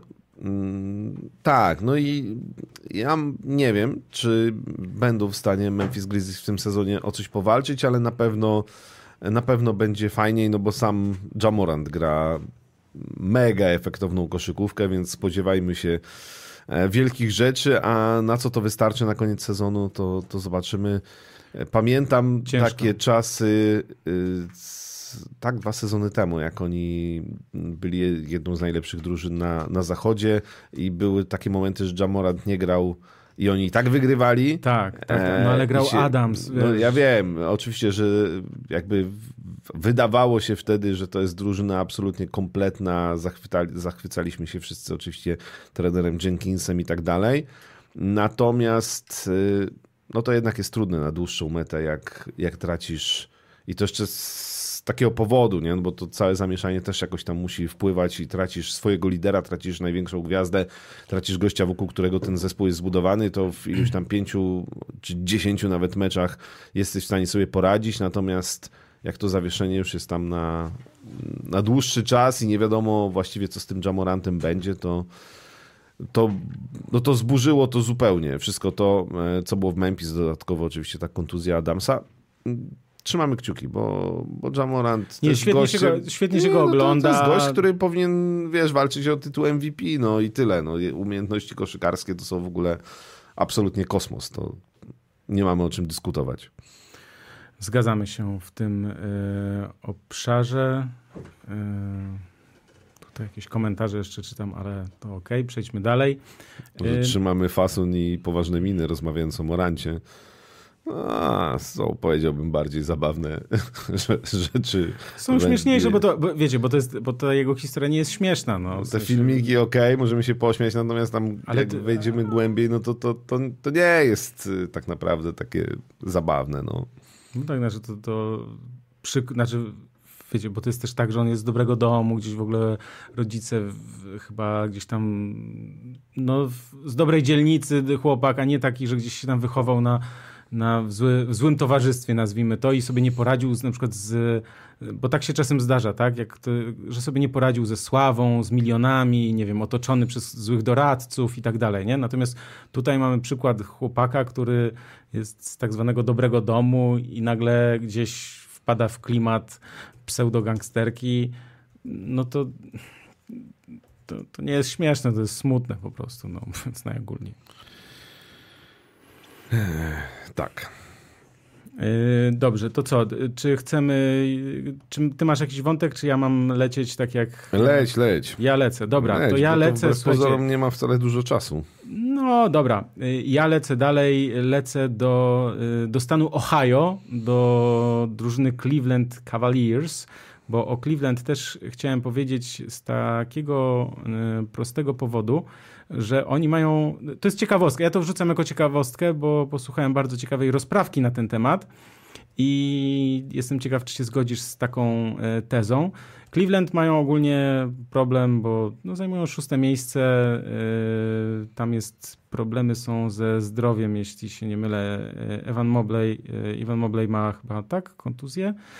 Prze mogę się wbić jeszcze? No. Musiałem sobie to sprawdzić, bo ja to słyszałem, ale e, czy to naprawdę się wydarzyło, bo aż tak bardzo nie śledziłem sprawy, ale bo tak mi się to w głowie, a propos Moranta jeszcze pojawiło przy okazji no, tego wpisu, się, wpisu o ty i ten, bo, bo słyszałem tą historię, teraz jeszcze sprawdziłem w internecie, oczywiście to zaistniało, że on dostał na rozprawie no bo była rozprawa e, sądowa, tak, między innymi pytanie, mhm. e, no takie dzi dziwny trochę zestaw pytań od e, pani sędziny, zdaje się, mający no tak trochę sprawdzić wiesz, jego status społeczny. Tam między innymi okay. pojawiło się pytanie, czy te brylanty, które ma na sobie w dużej ilości w, w biżuterii są prawdziwe. I on zrobił taką zdziwioną minę i powiedział, Mm, Wysoki Sądzie, jestem milionerem. No i więc jakby taka historyjka...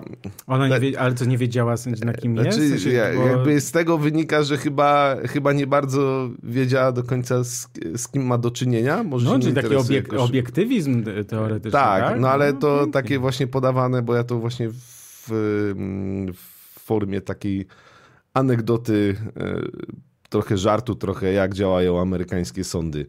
E, słyszałem, dobrze, musiałem sobie to sprawdzić, żeby, żeby nie palnąć czegoś z głowy, natomiast możesz mówić, możemy lecieć do Ohio, już się nie wtrącam, tyle o Jamorancie. Dobrze, bo to jest... Yy...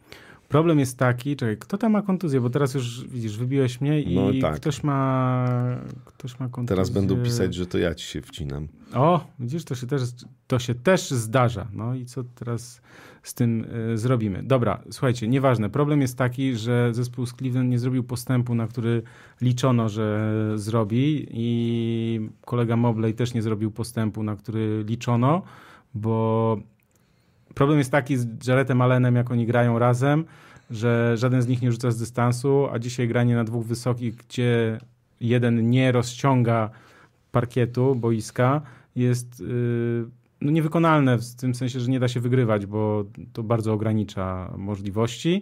Yy, I problem jest taki, że no tam przyjście Strusa, Nianga no nie odmieniło tej drużyny.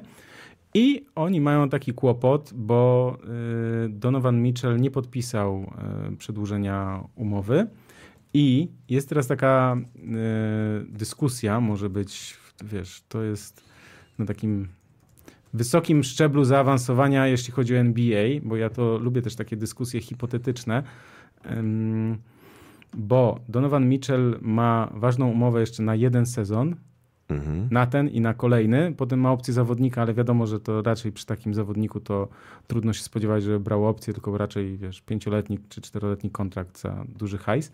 I Cleveland mają taki problem, bo jest pytanie, czy powinni oddawać Donowana Michela już teraz, kiedy wiedzą, że on za półtora roku odejdzie, czy powinni go jeszcze przetrzymać, zostawić yy, i na przykład jak się nie dogadają, bo teraz nie może podpisać tego przedłużenia, bo już jakby latem miał taką opcję, ale z niej nie skorzystał, czy czekać do kolejnego sezonu. I jest teraz tak, że e, mogliby uzyskać. Te, teoria, moja teoria jest taka, no po wysłuchaniu też ciekawej dyskusji na ten temat, moja teoria jest taka, że jeśli mają pewność, że on nie wejdzie, znaczy nie, nie zostanie w tej drużynie, to granie teraz i próba, no co, pierwsza runda i odpadnięcie, ewentualnie druga runda, ale to to już naprawdę z Mitchellem grającym, wiesz, na poziomie MVP. Więc teraz, gdyby oni go na przykład oddali do, uważaj, Nowego Jorku, mogliby otrzymać całą masę wyborów w drafcie, że to mogliby, znaczy gdy, wystawiając go teraz na rynek, mogliby zażądać tyle, co e, Minnesota dała za e, Goberta. Czyli po prostu, wiesz, pół królestwa, rękę księżniczki i trzy wiadra złota. Natomiast no jest tak, że nie wszyscy by chcieli, żeby to jednak robić, bo on ma wartość teraz większą, dlatego że drużyna, która go pozyska, będzie go miała na ten sezon oraz na kolejny na pewno, a być może na kolejne kilka. No i teraz jest takie pytanie do ciebie, co ty byś na przykład zrobił w tej sytuacji, bo rzeczywiście jest to sytuacja moim zdaniem trudna w zarządzaniu w ogóle klubem NBA, bo tak jak mówimy o Draymondzie Greenie, ta, ta historia, e, to podpisanie Greena, podpisanie Pula, potem transfer, pozyskanie Chrisa Pola, weterana emeryta, e, że takie, to są takie szachy, które trzeba, które trzeba sobie jakoś poukładać. E, I teraz jest tak, że no już teraz mogliby od, uzyskać naprawdę więcej niż za rok. No i teraz pytanie jest, czy powinni to zrobić? To jest też pytanie do Was, tych, którzy nas słuchają teraz y, na, na live'ie tak zwanym, albo na live'ie, jak to się mówi. Czy powinni już teraz próbować oddawać, czy nie? Wiesz, jakie to jest najważniejsze pytanie, na które ja nie znam odpowiedzi, bo. Mm, Tutaj bo... Garland i Mobley są kontuzjowani. To jest wielce prawdopodobne. Tak, natomiast znaczy, tak w trochę dłuższej y, perspektywie to. Mm, znaczy, powiedzmy, tego sezonu, kolejnego sezonu, w takiej perspektywie, najważniejsze pytanie jest takie to jest trochę wróżenie z fusów, ale trochę nie będąc w klubie, znaczy na pewno nie siedząc tutaj w Warszawie i oglądając y, Cleveland sprzed telewizora, bo y, na co liczą władze i co widzą trenerzy, jeśli chodzi właśnie o Garlanda i Mobleya.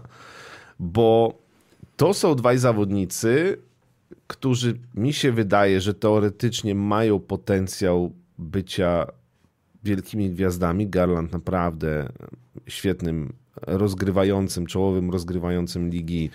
E, Mobley, no wiadomo, że trochę, trochę też mam takie wrażenie, że on się zatrzymał e, w tym rozwoju, a może te nadzieje były zbyt duże. I opłaca się zostawić e, Michela Donowana, jeżeli jest tam nadzieja na to, że w dosyć szybkim czasie, w tym sezonie, w następnym sezonie, oni będą w stanie być... Ale to się nie zadziało.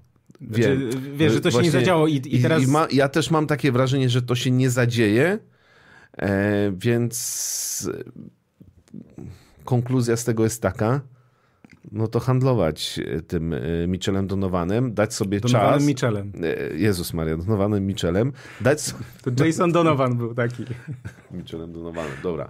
Donowanym Michelem, chociaż historię z jego przejściem do Nowego Jorku to ja słyszałem dawno temu, jak był no, jeszcze... No, wiadomo. Tak, no to... Wiuta jeszcze. Tak, grał, no tak. to przyszedł ostatecznie do Cleveland. Więc ten Nowy Jork być może jego wyśniony, wymarzony, okej. E, no bo jednak jeszcze Mobley i Garland i też paru innych zawodników to jest dosyć młodych, w znaczeniu, że tu możesz spróbować jeszcze wzmocnić się drużynę, myśląc bardziej e, dalekowzrocznie, dalekosiężnie, więc poza tym jeszcze jedno. Mitchell, Mitchell Donovan, Donovan Mitchell e, jest też na mojej liście zawodników których ja to niekoniecznie chciałbym mieć w drużynie. Znaczy, to jest Na dla mnie... szczęście ty nie zarządzasz klubem NBA. Natomiast no, to jest dla mnie też zawodnik, który moim skromnym zdaniem nigdy nie będzie liderem drużyny mistrzowskiej i... E... I to też dlatego Cleveland Cavaliers nie wejdą na kolejny poziom. No i to jest moje zdanie o Donowanie Mitchellu. Super strzelec, fajnie, fajnie, ale, ale jako lider i najważniejsza postać drużyny to mi się, mi się to nie wydaje. Więc to kolejny powód, dla którego Cleveland Cavaliers mogliby go oddać i naprawdę dużo za niego tak, bo to, bo to jest, wziąć, ten, bo to jest ten Bo temat. jest, tak, bo to jest tak, bo temat to, taki, to jest, że on jest rzeczywiście w tym momencie, dobra, gra, dobrze, rzuca dużo. Jest, o, wiesz, on gra znakomicie, to znaczy ja oglądałem jakieś mecze i Cleveland i co ten gość wyprawia, to jest naprawdę niewiarygodne. Znaczy on trafia takie rzuty. On, dla mnie problemem z Cleveland, jakby problemy Cleveland wyszły w tej serii z Nowym Jorkiem e, w playoffach. Nie da się grać na dwie wieże, które żadna nie rzuca za trzy i nie da się grać na dwóch małych, którzy są naprawdę niewysocy. I jakby ten zespół ma, wiesz, dwa duże problemy. Do tego dochodzi to, że się nie rozwijają y, zawodnicy, w sensie Mobley i, znaczy Mobley się zatrzymał, nazwijmy to trochę. No i y, moim zdaniem, wiesz, i to jest kolejny ten, jeszcze ten, ten przykład tej drużyny, która nie, ma, nie może liczyć na to, że ona z rynku wolnych agentów kogoś takiego jak Donovan Mitchell pozyska, bo nikt nie przyjdzie taki, Mhm. bo wybierze po prostu inny klub, inną kasę, e, inne podatki też pewnie, bo to też pamiętajmy o tym, że co stan to inny jest tam układ, nazwijmy to podatkowy i w niektórych stanach jest korzystniej i tak dalej, i tak dalej. Więc y, Cleveland zrobili ten ruch, bo chcieli, bo właśnie no, mieli taką szansę i okazję do tego, żeby pozyskać super zawodnika. Natomiast moim zdaniem y, Moim zdaniem to nie jest super zawodnik, no ale dobra, no. Jakby przy jego całej wspaniałej grze y, to jest poziom wiesz, Bransona. W, no tak, że, że też ma sufit, tak, którego nie przeskoczy. nie wierzę w to, że, że on poprowadzi jakąś drużynę do mistrzostwa i to się w Utah Jazz pokazało i w Cleveland widać jeszcze, oczywiście no zależy dużo od drużyny, ale on nie, ja go nie widzę jako, jako lidera drużyny mistrzowskiej i tyle. Okej, tylko wiesz, że gość rzucał 28 punktów w zeszłym sezonie i Dobrze, no i gdzie jest czwarta Cleveland? drużyna czy piąta zeszłego sezonu. I gdzie jest, no i później były playoffy, no. No tak, no i były playoffy, ale to też I kwestia... to trochę, no w Utah Jazz też świetnie grał w sezonie zasadniczym zawsze, nie? I później były playoffy. E, I No, playoffy to już jest inna para kaloszy. Nie jestem fanem Donowana Mitchella. Rozumiem, przyjmuję. Ja też nie jestem wielkim fanem, więc jakby to... I nawet, ale zgadzam się, że nawet, nie wiem, Garland, który świetnie gra pick, Nie- and, nie- nie- pick and role e, z wysokimi, ale fajnie jakby miał a propos rozmowy o Gobercie, takich wysokich, że właśnie Gobert jest wysokim, wysokim podkoszowym, ale jednak Karl Antony Towns jest tym wysokim, który jest, jestem e, najlepszym strzelcem za trzy wśród, w historii wśród wysokich, nie? No więc e, tak. To, no wiadomo. Dobrze. No dobrze i tym y, takim pozytywnym akcentem y, płynnie możemy przejść sobie na... y, To tylko Tyler Hero w jednym zdaniu, jak się nauczy bronić, to kiedyś będzie All-Starem. Widziałem, ale tylko widziałem highlights z dzisiejszej nocy. No, No ale to- to, wiemy. to- jest to- to jest- strzelcem, jest fantastyczny ja, ja kompletnie nie jestem fanem Taylora Ale- ale... bo mam takie wrażenie, że to, jest gracz pokroju Jordana Pula. No, tylko I- ciut wyżej, ciut wyżej. Ale to jest moje Ale osobiste... doceniam, jak. Miami y, potrafił dobrze bronić, ukrywając go y, w obronie i jego, Maja, wiesz, jego no, jak masz najlepszego trenera w NBA, to jednak e, obecnie chyba, albo jednego z najlepszych, no to, to jakby... Nie, i Miami nie zdobędą mistrzostwa. To się już nie wydarzy, bo to też... Not gonna happen. Nie, to nie. To znaczy, już- jak, na, jak mnie pytacie, czy Miami Heat w tym składzie będą mistrzem NBA, nie, nie będą. Oni będą, znaczy będą na pewno twardym przeciwnikiem Jak dla zwykle, ale nie, to już, już było raz w bańce, w poprzednim sezonie drugi raz, to trzeci się finał już nie, nie, za, nie zadzieje. No. Tak, e, też tak myślę. E, to tym tutaj akcentem możemy sobie polecieć odrobinę na zachód do, Clippers? Nie, do stanu Minnesota. A, o, to widzisz też pytanie Matiego. Timberwolves i Kings objawieniami konferencji zachodniej. To Timberwolves bardziej niż Kings na pewno. Nie no, Kings to rok temu, teraz Kings to tak, tak- raczej zawodzą, jeśli chodzi o takie oczekiwania. Zajęli takie pozycje średnie, bym e, powiedział, e, więc trochę próbowałem Kings oglądać i zawsze trafiałem na mecze, które przegrywali. Więc... Czyli pecha im przynosisz po prostu. Być może. Natomiast Minnesota, poza tym, że tutaj uwaga, odpalamy kronikę towarzyską, Anton Edwards ma pewne problemy. Ale i to, jest, I to jest ciekawe pytanie, bo to powiedz, powiedz w skrócie o co chodzi, a ja powiem po prostu, że to jest właśnie ta rzecz, która wpływa pozaboiskowo, na, może wpłynąć na całą drużynę. E, no, Anton Edwards wyciekły SMS-y. SMS-y, tak. No, jego dziewczyna, partnerka, potencjalna matka jego dziecka e, ujawniła, że e, chciał ją zmusić, zmusił, Zachęcał, zachęcał do e, usunięcia ciąży. No i generalnie, wiesz, z jednej strony powiemy, sprawa prywatna jakichś tam ludzi, z drugiej strony, jak jesteś liderem Minnesota Timberwolves i wszyscy o tym piszą i wszyscy o tym mówią, no to już przestaje być sprawa prywatna i wpływa też na to, co dzieje się w szatni, mimo że no powiedziałbym, że po grze Antonego Edwardsa jakoś za bardzo tego nie widać. Natomiast y, też ciekawe, jak to, jaki to będzie miało ciąg dalszy, bo to nie jest akurat w przeciwieństwie na przykład do Josha Gidea historia gdzieś tam zagrożona karnie. Natomiast, no natomiast, no wiadomo, że to są takie historie, które sprawiają, że z tyłu głowy gdzieś tam pojawiają się te tematy. E, I, I jak zaczynasz myśleć o czymś innym niż o koszykówce, no to czasami zaczynają się problemy. Tak, przepraszam, bo dzwoni, dzwoni do mnie mój tata i muszę tylko mu napisać, że nie mogę rozmawiać. Mam nadzieję, że nic tutaj poważnego się nie, nie zadziało.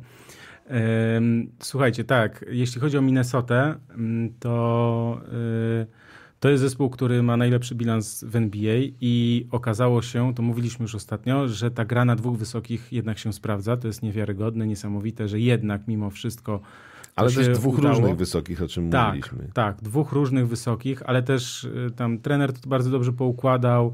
E, mówiliśmy też o tym ostatnio, że ten generalny menedżer e, w Minnesocie, który pracował też w Denver i miał pomysł na Jokicia i Nurkicia w jednej, e, w jednej drużynie, e, to teraz tak samo był ten jego pomysł na, jeśli chodzi o Townsa i Goberta. Dlatego za Goberta oddali mnóstwo, bo też przypominam to, co przed chwilą powiedziałem, czyli że zespół z Minneapolis ma bardzo trudną drogę do tego, żeby kogokolwiek wartościowego pozyskać z rynku, dlatego że po pierwsze słaba tradycja, jeśli chodzi o historię klubu, w dodatku zimno jak pierun zimą, więc yy, no trudno tam, żeby ktoś przyszedł. Natomiast tak, Anton Edwards rozwinął się, jeśli chodzi o grę boiskową, niesamowicie.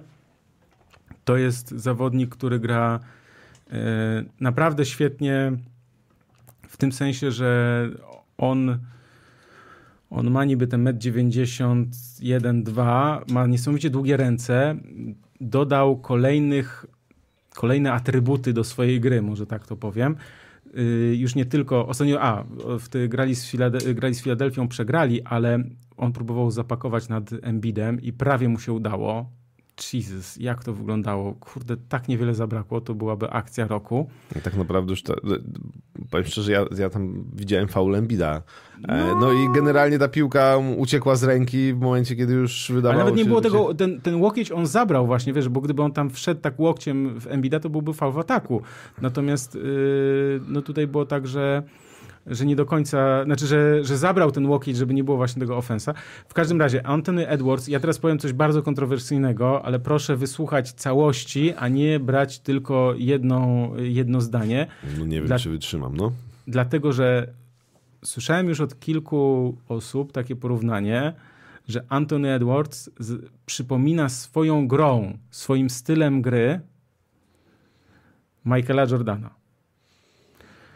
To co potrafi na boisku, to co robi, to jak zdobywa punkty, to jak rzuca z pół dystansu, dodał tego tak zwanego fadeawaya, wiesz, po piwociku, tak jak y, Michael to potrafił i tak jak Kobe to potem naśladował. Niesamowicie rzuca też, potrafi rzucać z pół dystansu o tablicę, wiesz, prawie jak Tim Duncan. Y, I jest też niesamowicie y, taki zadziorny, ma ten instynkt takiego no, ogromnie kocha rywalizację, chce wygrywać yy, i Minnesota, ogromnym atutem Minnesoty jest to, że oni wszyscy tam bronią, że tam jest zespół tak zbudowany, że nie ma słabych yy, ogniw, takiego, że wiesz, że jak jest na przykład podwajanie, nie wiem, jest na jakimś tam graczu podwojenie i z takiego podwojenia na przykład wychodzi bardzo łatwe podanie do zawodnika na czystej pozycji. Minnesota tak broni, że tam są wszyscy zaangażowani, a nie, że czterech pracuje, jeden odpuści i po, i po akcji, tak? Bo wtedy się nie chce po prostu bronić, wiesz, to są takie, to są takie po prostu e, historie. E, więc tak, więc... Minnesota gra znakomicie, ma najlepszy bilans, natomiast to, co też słusznie e, zauważono, analizując ten, tę drużynę, to chyba policzono, że oni grają kolejnych chyba 16 meczów, już tam dwa mamy za sobą chyba, ale grają z drużynami, które mają powyżej dodatni bilans. Czyli oni grali teraz, z Miami wygrali, z Filadelfią na, na wyjeździe, z Filadelfią na wyjeździe przegrali, Teraz grają e, z Lakers u siebie, ale potem będzie z Sacramento na wyjeździe, z Oklahoma City na wyjeździe, z, da e, z Dallas u siebie, potem Lakers, potem Nowy Jork, potem Nowy Orlean. Chodzi mi o to, że grają. To jest taki test też dla tej drużyny. Nie? Mamy, mamy koniec roku, e, te pierwsze dwa miesiące za nami, jedna trzecia sezonu. I teraz pytanie jest takie, gdzie ten zespół jest, w którym momencie on znaczy te, trochę tak, ustoją czy nie ustoją? I moim zdaniem ustoją, bo że to nie jest case Nowego Orleanu sprzed roku, bo ja zawsze będę przypominał, że pamiętam jak 2 czy tam 1 stycznia Nowy Orlean miał, e, miał taki sam bilans, zajmowali drugie miejsce, czy nawet pierwsze egzekwo w konferencji zachodniej, po czym taki spadek, że ho, ho, ho, kontuzja, wiadomo, Zajona i tak dalej, nieważne. Chodzi mi o to, że tak jak się ogląda ten zespół, to jeśli oczywiście nie wydarzy się jakaś tragedia, nie wiem, kilka kontuzji i tak dalej, to to jest zespół, który jest w stanie utrzymać to, yy, utrzymać pierwszą trójkę na zachodzie. I Gobert zaczął grać yy, tak jak go... Yy, po, tak jak po to go sprowadzili, to generalnie tak zaczął, tak gra. Znaczy taki był pomysł na Rudiego Goberta, który ma być e, nie ma być największą gwiazdą tej drużyny, absolutnie, chociaż pieniądze ma ogromne. Natomiast y, przede wszystkim w obronie jest y, nie sam. Oczywiście my mówimy to wszystko po meczu, w którym tą fantastyczną obronę Minnesoty rozjechało Joel Embiid.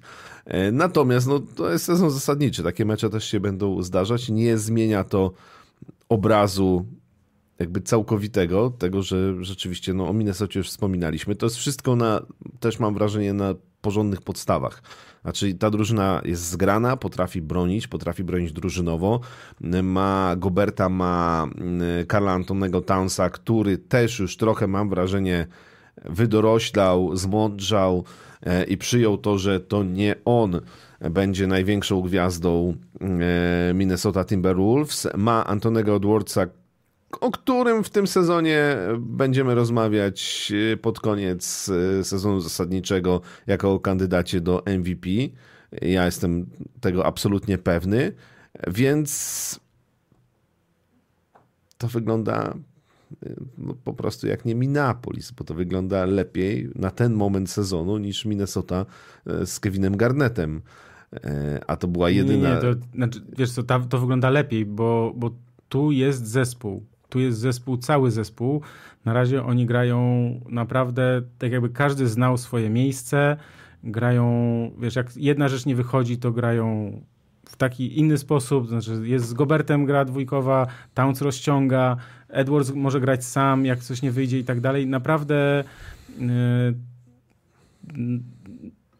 Chris kadr... Finch to naprawdę świetnie, świetnie po, poukładał, łącząc gdzieś tam doświadczenia swoje z pracy w Europie z tym, czego się nauczył w Toronto Raptors jako asystent zdobywając mistrzostwo, naprawdę. Tak, ale to jest też ważna kwestia w porównaniu do tych innych drużyn, że oni, bo to jest też ważne, żeby, że oni grają, że oni wygrywają dzięki obronie. Yy, wiadomo, że nie nie będą wygrywać za każdym razem, tak jak Embiid ich rozjechał, 51 punktów rzucił, ale chodzi mi o to, że jak spojrzymy też na średnią punktów zdobywanych przez ten zespół, to oni mają tylko 113, ale ich rywale rzucają tylko niecałe 107. Czyli tam jest 6,8 e, różnicy. Wiesz, że jakby, że to nie jest zespół, który rzuca po 140 i atakiem rozjeżdża tak jak, e, nie wiem, Milwaukee, tak? Że Milwaukee teraz już są nastawieni praktycznie tylko na atak, jazda, husaria, w dłoń, w sensie wiesz, szable w dłoń i jedziemy, mimo że to przecież była drużyna, która świetnie broniła w poprzednich latach, no ale tak się teraz to porobiło. Natomiast Minnesota, wiesz, ma, jeśli spojrzymy na te drużyny, to tak też patrzę, y, ile punktów rzucają rywale, no to to jest chyba najlepiej, znaczy najmniej rzucają właśnie przeciwko drużyny przeciwko Minnesocie. No więc to jest taki, to jest taki wątek. Jeszcze jedną rzecz chyba chciałem powiedzieć odnośnie Minnesoty, ale coś może mi wypadło. E, aha, wiem co chciałem, bo tutaj jest e, komentarz, nie wiem czy widziałeś komentarz od Filipa. Michał, zła informacja, mamy podgląd na Krzyśka laptopa i po twoim porównaniu Edwardsa do Jordana Krzysiek zablokował cię na wszystkich swoich mediach społecznościowych. Nie, nie, nie. Ja, ja, nieprawda. E, ja jestem fanem Antonego Edwardsa e, właściwie od momentu, kiedy on się pojawił w NBA, więc akurat tu mnie bardzo cieszy, że on robi niesamowite postępy i... Dobry e, żart, dobry żart, Filip i ten. I okej. Okay. Spoko, może być następnym Jordanem, nie ma problemu. W znaczeniu jest naprawdę, ogląda się go z przyjemnością, połączenie efektowności i efektywności. I też, wiesz, tej zadziorności, tego, tej zawziętości, tego takiego, e, a wiem, był taki mecz, dobra, wiem, chciałem powiedzieć też o takim meczu jego, tak, oni wygrali w Dallas. Poczekaj, bo aż sobie sprawdzę plus minus, bo to, bo to było to, co ja tam zerknąłem sobie i nie, aż nie mogłem uwierzyć, bo zacząłem oglądać, potem jak spojrzałem w statystyki, to trudno było w to uwierzyć. Słuchaj, wygrali z Dallas, Doncic, Doncic grał, rzucił 39, miał 13 asyst, nieważne. Natomiast e, Minnesota wygrała 119 do 101 i Anton Edwards rzucił tylko 9 punktów, trafił 3 z 19 rzutów z gry, miał 11 asyst, a przy jego nazwisku jest plus 20. Mhm. Czyli jak on był na boisku, to jego drużyna wygrała różnicą 20 punktów. Czyli to znaczy, że on ze skutecznością 3 na 19 i tak potrafił, znaczy mimo, że był na boisku i nie trafił 16 rzutów z gry, to i tak jego drużyna była na plus 20. Nie wiem, czy tu chcielibyśmy zapytać Marcina z prowadzącego Crazy Stars, którego pozdrawiamy serdecznie, czy można w ogóle mm, gdzieś takie porównanie zrobić, czy ktoś miał lepszy plus minus przy na przykład 15 niecelnych rzutach. Na, mhm. Nie wiem, no nieważne. W każdym razie yy, albo przy takiej skuteczności, tak, bo 3 na 19 można by sobie tam podzielić. E, mało wyjdzie, wiadomo. Yy, że to jest niesamowite, tak? Znaczy, bo on, mimo że grał fatalnie w ataku, jeśli chodzi o skuteczność, to harował jak wół w obronie i był w stanie yy, być najważniejszym zawodnikiem, czy jednym z dwóch najważniejszych zawodników swojej drużyny.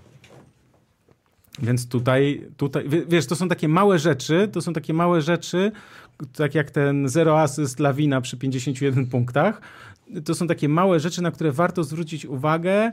Nie mówię, że, że trzeba od razu do tego całą historię e, mhm. dopisywać, jakąś tam nadinterpretację, natomiast to też pokazuje, że jak nie idzie, to on znajdzie dla siebie jakieś miejsce czy sposób na to, żeby tej drużynie mimo wszystko dać coś na plus. Ja chciałbym Minnesota w finale. Yy, wiesz co? To, Z Bostonem. O. To jest. Yy, otwórz sobie tabelę. A no tak, no teraz Masz dwie tabelę? drużyny. No. Nie, ja wiem, że to są dwie najlepsze drużyny, ale moje pytanie jest następujące. Bo to też jest taka zabawa, którą, którą pomyślałem, że cię w, w, wplączę w to.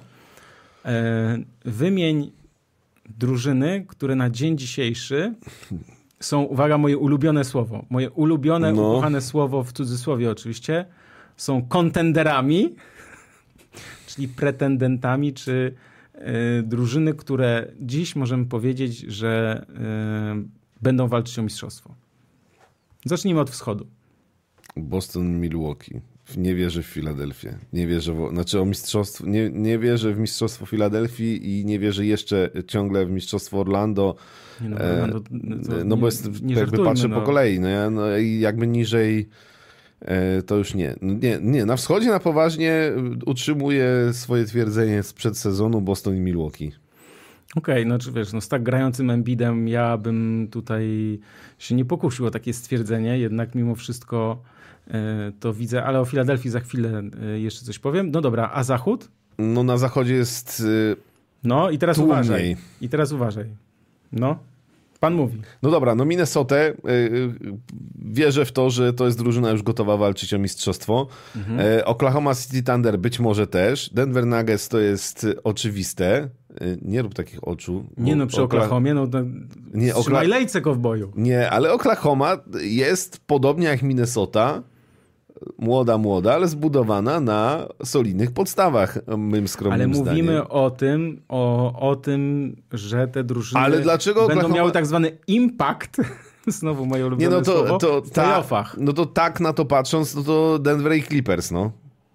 To, to, tak, to, o to, no, takie było tak. pytanie, przepraszam, jeśli nie, źle się wyraziłem. Mi chodziło nie o to, kto jest dzisiaj najlepszy i kto tam, ten, tylko kto dzisiaj mówimy, że jest takim... Ja się boję, że Clippers.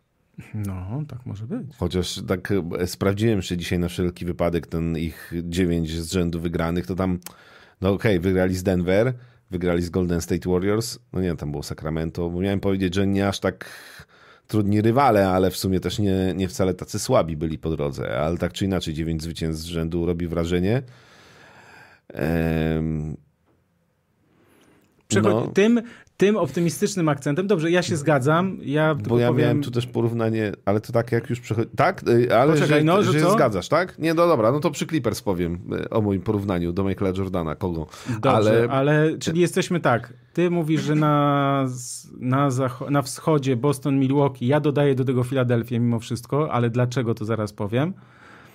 Albo powiem teraz, bo już pewnie nie zdążymy o Filadelfii. Yy, bo ta drużyna ma moim zdaniem największe jeszcze możliwości, żeby dokonać jakichś zmian w, w składzie. I tutaj, mój kolego, ja odrobiłem pracę domową, co prawda muszę teraz wpisać oczywiście w payrollu, ale słuchaj, tam na kolejny sezon kontrakt ważny ma tylko Joel Embiid praktycznie, tam Paul Reed to nie, nie liczmy tego, e, natomiast oni mają mnóstwo kończących się kontraktów. Tobias Harris, Marcus Morris, Nicolas Batum, Robert Covington, DeAntony Melton, e, już tam tych mniejszych już nie liczę, ale to jest kupa kasy do oddania. Maxi pewnie. E, no nie, no Maxi. Nie. nie, Maxi, nie, nie, nie. Chodzi o to, że oni będą oczywiście zaproponują mu, wiesz, mhm. pół królestwa i rękę księżniczki, wiadomo.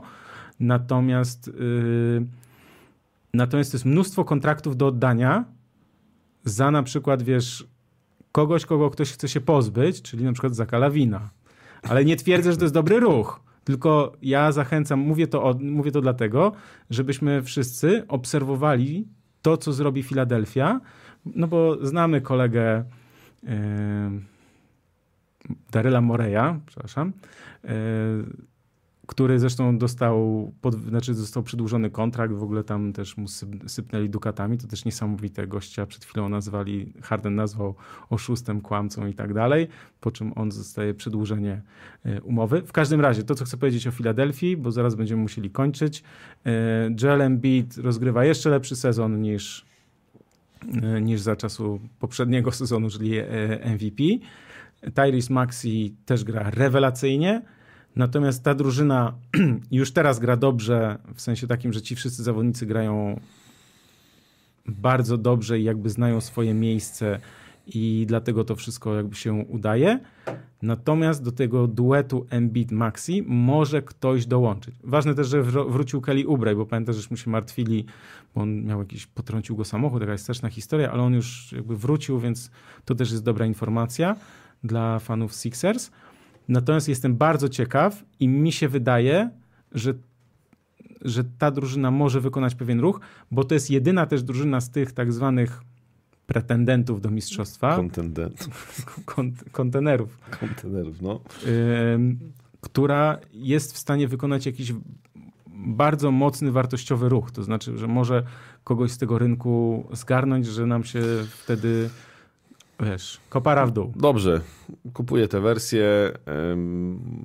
Być może po transferach tak. Natomiast na zachodzie sytuacja i tak jest bardziej skomplikowana, bo ja jednak mam nadzieję, że Minnesota Timberwolves i Oklahoma City Thunder to nie będą drużyny, które skończą na pierwszej albo drugiej rundzie e, playoffów, tylko że to już są drużyny e, gotowe na większe rzeczy. Że Denver Nuggets to, to wiemy, że Clippers. Właśnie w Clippers mnie przeraża to, że jak oni będą zdrowi, to w to playoffach to, to, to, to może być czołg. Nawet z Jamesem Hardenem. E, dobra, no ale. E, Dobrze, tak, poczekaj, no, ustalmy, no, to, ustalmy zachód. Ty mówisz Minnesota. Ja Minnesota i Oklahoma wierzę. No Denver to i To są drużyny, które, które są w stanie wywalczyć mistrzostwo w tym sezonie. Dobra, Minnesota, no. Dobra, Minnesota, Denver i Clippers. Tak? Możecie też taką. Phoenix Suns. Słuchaj, to jest podcast poważny. Ludzie są po czterdziestce. No dobra, ale ja z Zachodem mam problem, no, bo tu jakby dużo rzeczy... No, ja, zakładamy, nie, że Phoenix poważnie... Suns już że nie będzie działało, tak? No, że Bradley Bill... Nie, nie wiemy nie, tego, wiesz, to, to jest tyle znaków no zapytania. Dobra, no. To wolę wierzyć w to, że Minnesota będzie działać do końca, niż że Phoenix Suns jednak zacznie coś grać sensownego. No tam Bradley Bill znowu wrócił i się skręci, skręcił kostkę, więc jakby tam cały czas No dobra, no problem. no i to tak, ustaliliśmy. No i, tak, znaczy i, i pytanie jest też, czy, czy Lakers z LeBronem stawiamy jeszcze w ogóle w tym gronie? Wiesz, bo to jest trochę tak, że... Wydaje mi się, że nie. Że 100 razy bardziej wolałbym nie grać z, y, w playoffach, wolałbym nie grać na przykład z Golden State Warriors, niż na przykład, nie wiem, z Pelicans, nie. Wiesz, czy nie wiem, czy nawet z Sacramento? Nie wiem. Znaczy Stefa Kerego trzeba się bać, o tak powiem. No, jakby... Stefa Kerego zawsze trzeba się bać, ale na razie to on jest na 11 miejscu, się nawet do playinów nie łapie. To też prawda. E... Nie, dobra, ja powiem tak. Ja zaczynam się obawiać Los Angeles Clippers. To przejdźmy teraz do Clippers. Już Obejrzałem parę ich meczów. No, no. E, James Harden żyje. Żyje i ma się świetnie pytanie pozostaje, czy to, że właściwie nie przepracował y, okresu przygotowawczego w którymś momencie sezonu się odbije, e, czy nie. Natomiast, natomiast y, odesłanie Russella Westbrooka na ławkę rezerwowych i gra Westbrooka z ławki i postawienie na Jamesa Hardena jako tej opcji numer jeden na rozegraniu, no to, to, to, to wygląda coraz lepiej. Jakby doświadczenie tej drużyny tych gości, James Harden, Paul George i Kawhi Leonard przede wszystkim, jest tak ogromne, że na którym oni by miejscu w sezonie zasadniczym nie skończyli, no bo w playoffach to raczej na pewno to jesteśmy zgodni będą i to w miarę gdzieś tam, no, to czwarte miejsce jest, może tak być, mogło być wyżej, mogło być trochę niżej, to w ogóle nie ma znaczenia, bo ta drużyna w playoffach jest drużyną, która jest w stanie wygrać z każdym na zachodzie zakładamy, że wszyscy są tam zdrowi.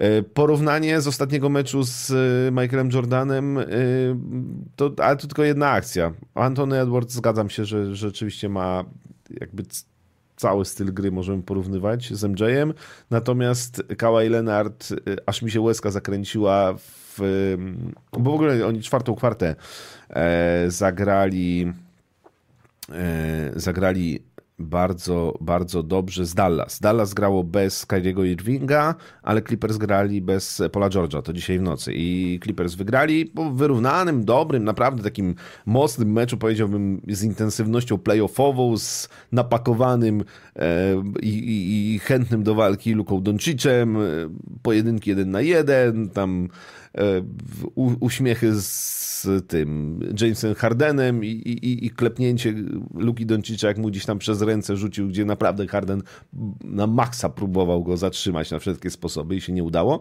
Natomiast koniec końców, końcówka dla Clippers.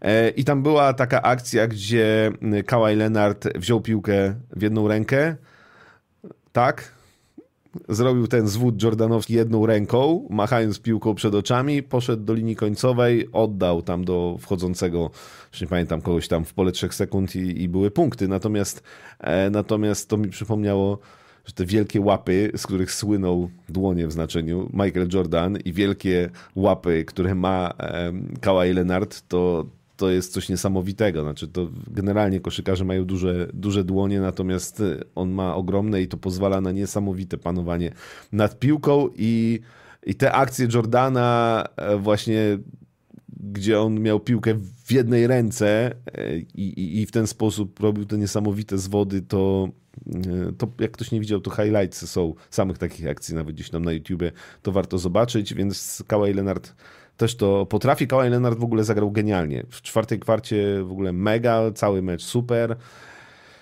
E, I to jest taki Kawhi Leonard opcja playoffy. Jak będzie zdrowy i paliwa w baku tam jeszcze wystarczy i Paul George będzie zdrowy i James Harden będzie zdrowy, no bo tam jest jednak ten znak zapytania dużo większy niż przy wielu innych drużynach ze względu na wiek, chociażby ze względu na to, że James Harden się nie przygotował do sezonu, e, no to no to tam się na ten moment udało poukładać to wszystko. Znaczy, oczywiście kluczowa decyzja o przesunięciu Russella Westbrooka na ławkę rezerwowych, ale, ale, ale grę Clippers da się oglądać nawet z Jamesem Hardenem. No, znaczy James Harden to gra w końcu jak Harden, to się jakby zgadzam.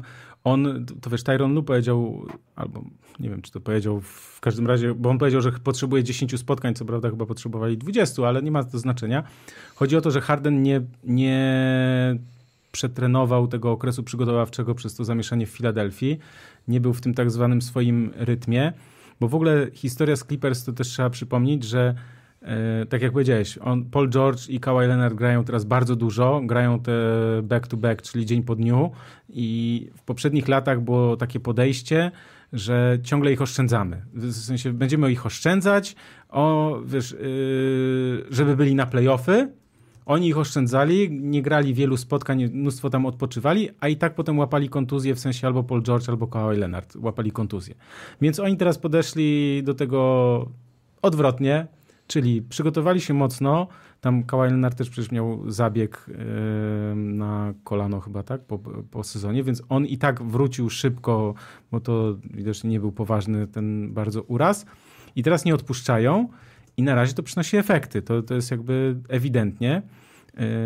I mi teraz sobie też tak, przypomniałem sobie takie też stwierdzenie Hardena, jak on grał jeszcze w Houston, to bo w ogóle na temat odpoczywania, tak? Jemu się w ogóle nie podobało to, ta koncepcja odpoczywania. On zawsze mówił, że ja nie muszę odpoczywać, to znaczy opuszczać meczów, dlatego że... Mm, że jak jest zdrowy, to chce grać, żeby zachować ten rytm, wiesz, ten dla siebie rytm, że jemu odpuszczanie po prostu nie służy. On to, on to mówił wprost i teraz y, jest tak, że jest w rytmie. Jest w rytmie, tak. Znaczy, że wiesz, że łapie ten, ten rytm. Widocznie ma, wiesz, bardzo dobrą regenerację też yy, organizmu. Wiadomo, że to z biegiem lat się pogarsza i to widzieliśmy w playoffach chociażby, bo przecież pamiętam, że on rzucił chyba 47 punktów, tak, przeciwko Bostonowi, a potem tam prawie na rowerze wyjechał, więc jakby było to, nazwijmy to, było takie, jakie było. E, w każdym razie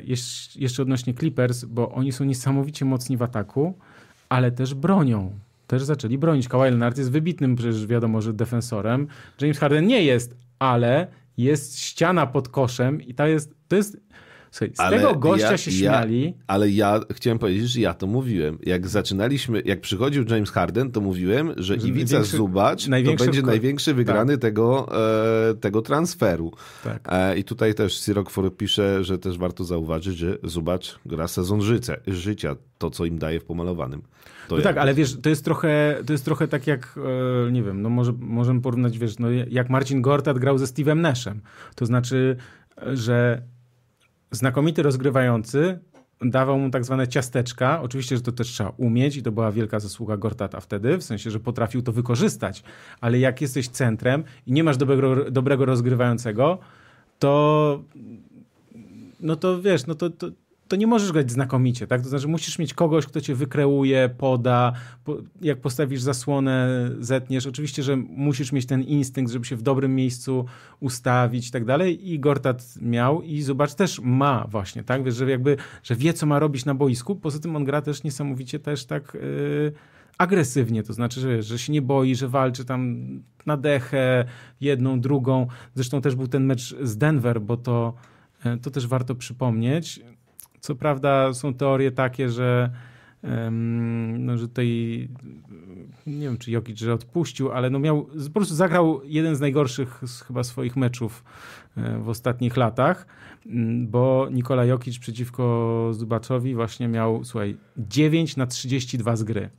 Czasem się zdarzają takie mecze, nie wiem, czy to nie była niedziela, więc może po sobotnim, po sobotnim bajabongo i tak dalej. Nie, żartuję oczywiście. Czasem się zdarzają takie rzeczy. Oczywiście i tak Jokic wykręcił triple-double, miał 15 zbiórek, 10 asyst. Ale po prostu mu nie wpadały te takie jego, te wiesz, te floaterki, te takie tam magiczne yy, hacz, półhaczyki i tak dalej. Ale też trzeba oddać, że to duża też zasługa właśnie Zubacza w tym, w tym wszystkim. Więc jakby ten skład Clippers tak jak mieliśmy na początku wątpliwości, ja pamiętam, jak już mówili, jak on przyszedł, obejrzeliśmy parę meczów, ja tam obejrzałem parę meczów. Nie mówię, dało oglądać. Nie, nie dało się tego, znaczy to było, to było dramatyczne. Harden totalnie bez formy, natomiast ja mam taką statystykę też, sobie, aż zrobiłem zdjęcie telewizora, no bo nie da się zrobić print screena na mm -hmm. tym, na, na iPadzie, ja też często oglądam na telewizorze po prostu, więc yy, to z dzisiejszego meczu, więc tego nie zalicza nam tego dzisiejszego spotkania, ale Pierwszych 11 spotkań e, Hardena, 14 punktów średnia, a ostatnie 10, 20,5. Skuteczność rzutów za 3 punkty wzrosła z 37 do 51%. Liczba asyst wzrosła z 6 do 9. Więc jakby tylko tak, żeby pokazać, że rzeczywiście Harden no, łapie ten rytm. Natomiast oczywiście to, co mówisz, jest jak najbardziej yy, właściwe. To to podejrzenie, czy taka obawa, czy tam się po prostu ten, ktoś się nie połamie, tak? Czy Kawhi, czy Paul George y, nie dozna kontuzji. Zresztą Harden też miał, już ma za sobą kilka takich nieprzyjemnych kontuzji. Mówię nieprzyjemnych, bo to są takie, on miał to naciągniętą y, udo chyba. Y, no to są takie rzeczy, które ograniczają jego po prostu możliwości na, na, na boisku, tak? Więc jakbym... Filip, przypomina ci, że ty już Clippersów zaorałeś i zmieniłeś im nazwę.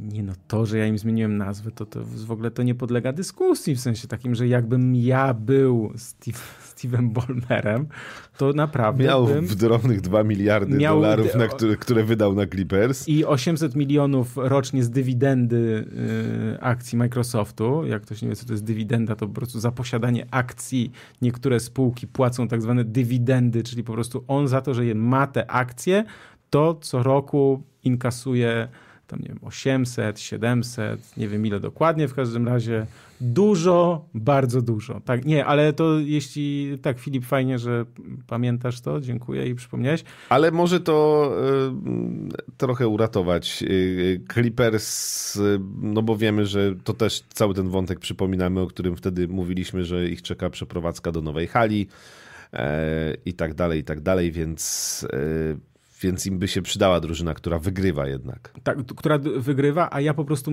bo pewnie niektórzy nie wiedzą o co chodzi, to ja tylko w skrócie powiem, że chodziło mi o to, że w związku z przeprowadzką i w związku z tym, że Clippers kojarzą się kibicom NBA i mieszkańcom Los Angeles jako no, coś dużo gorszego, w sensie, wiesz, no jest Lakers to są legendarni Lakers, no i są Clippers, no to to jest taka drużyna słabsza, zawsze słaba. Ja pamiętam z lat 90., no to to jest, wiesz, odwróć tabelę, Clippers na czele, więc jakby e, to pamiętam. I chodziło mi tylko o to, że miałem taki wątek, że wizerunkowo przeprowadzka do nowej hali jest ym, znakomitą okazją do tak zwanego rebrandingu drużyny czyli do takiej możliwości zmiany całej nazwy, czyli tak jak Seattle Supersonics przeprowadzili się do Oklahoma City, to zaczęli się nazywać Thunder i zaczęli pisać, zaczęli pisać po prostu nową historię. I moim A swoją zdaniem... drogą tam też będzie nowa hala Gdzie? w Oklahomie.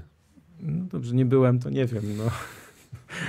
Yy, więc to tylko był taki mój wątek, jeśli chodzi o, o wizerunek. Tak? Brooklyn Nets przenieśli się z New Jersey, ale nie zmienili nazwy. W sensie zmienili nazwę tylko na Brooklyn Nets, zostawili Nets, ale doszło do całego totalnego rebrandingu.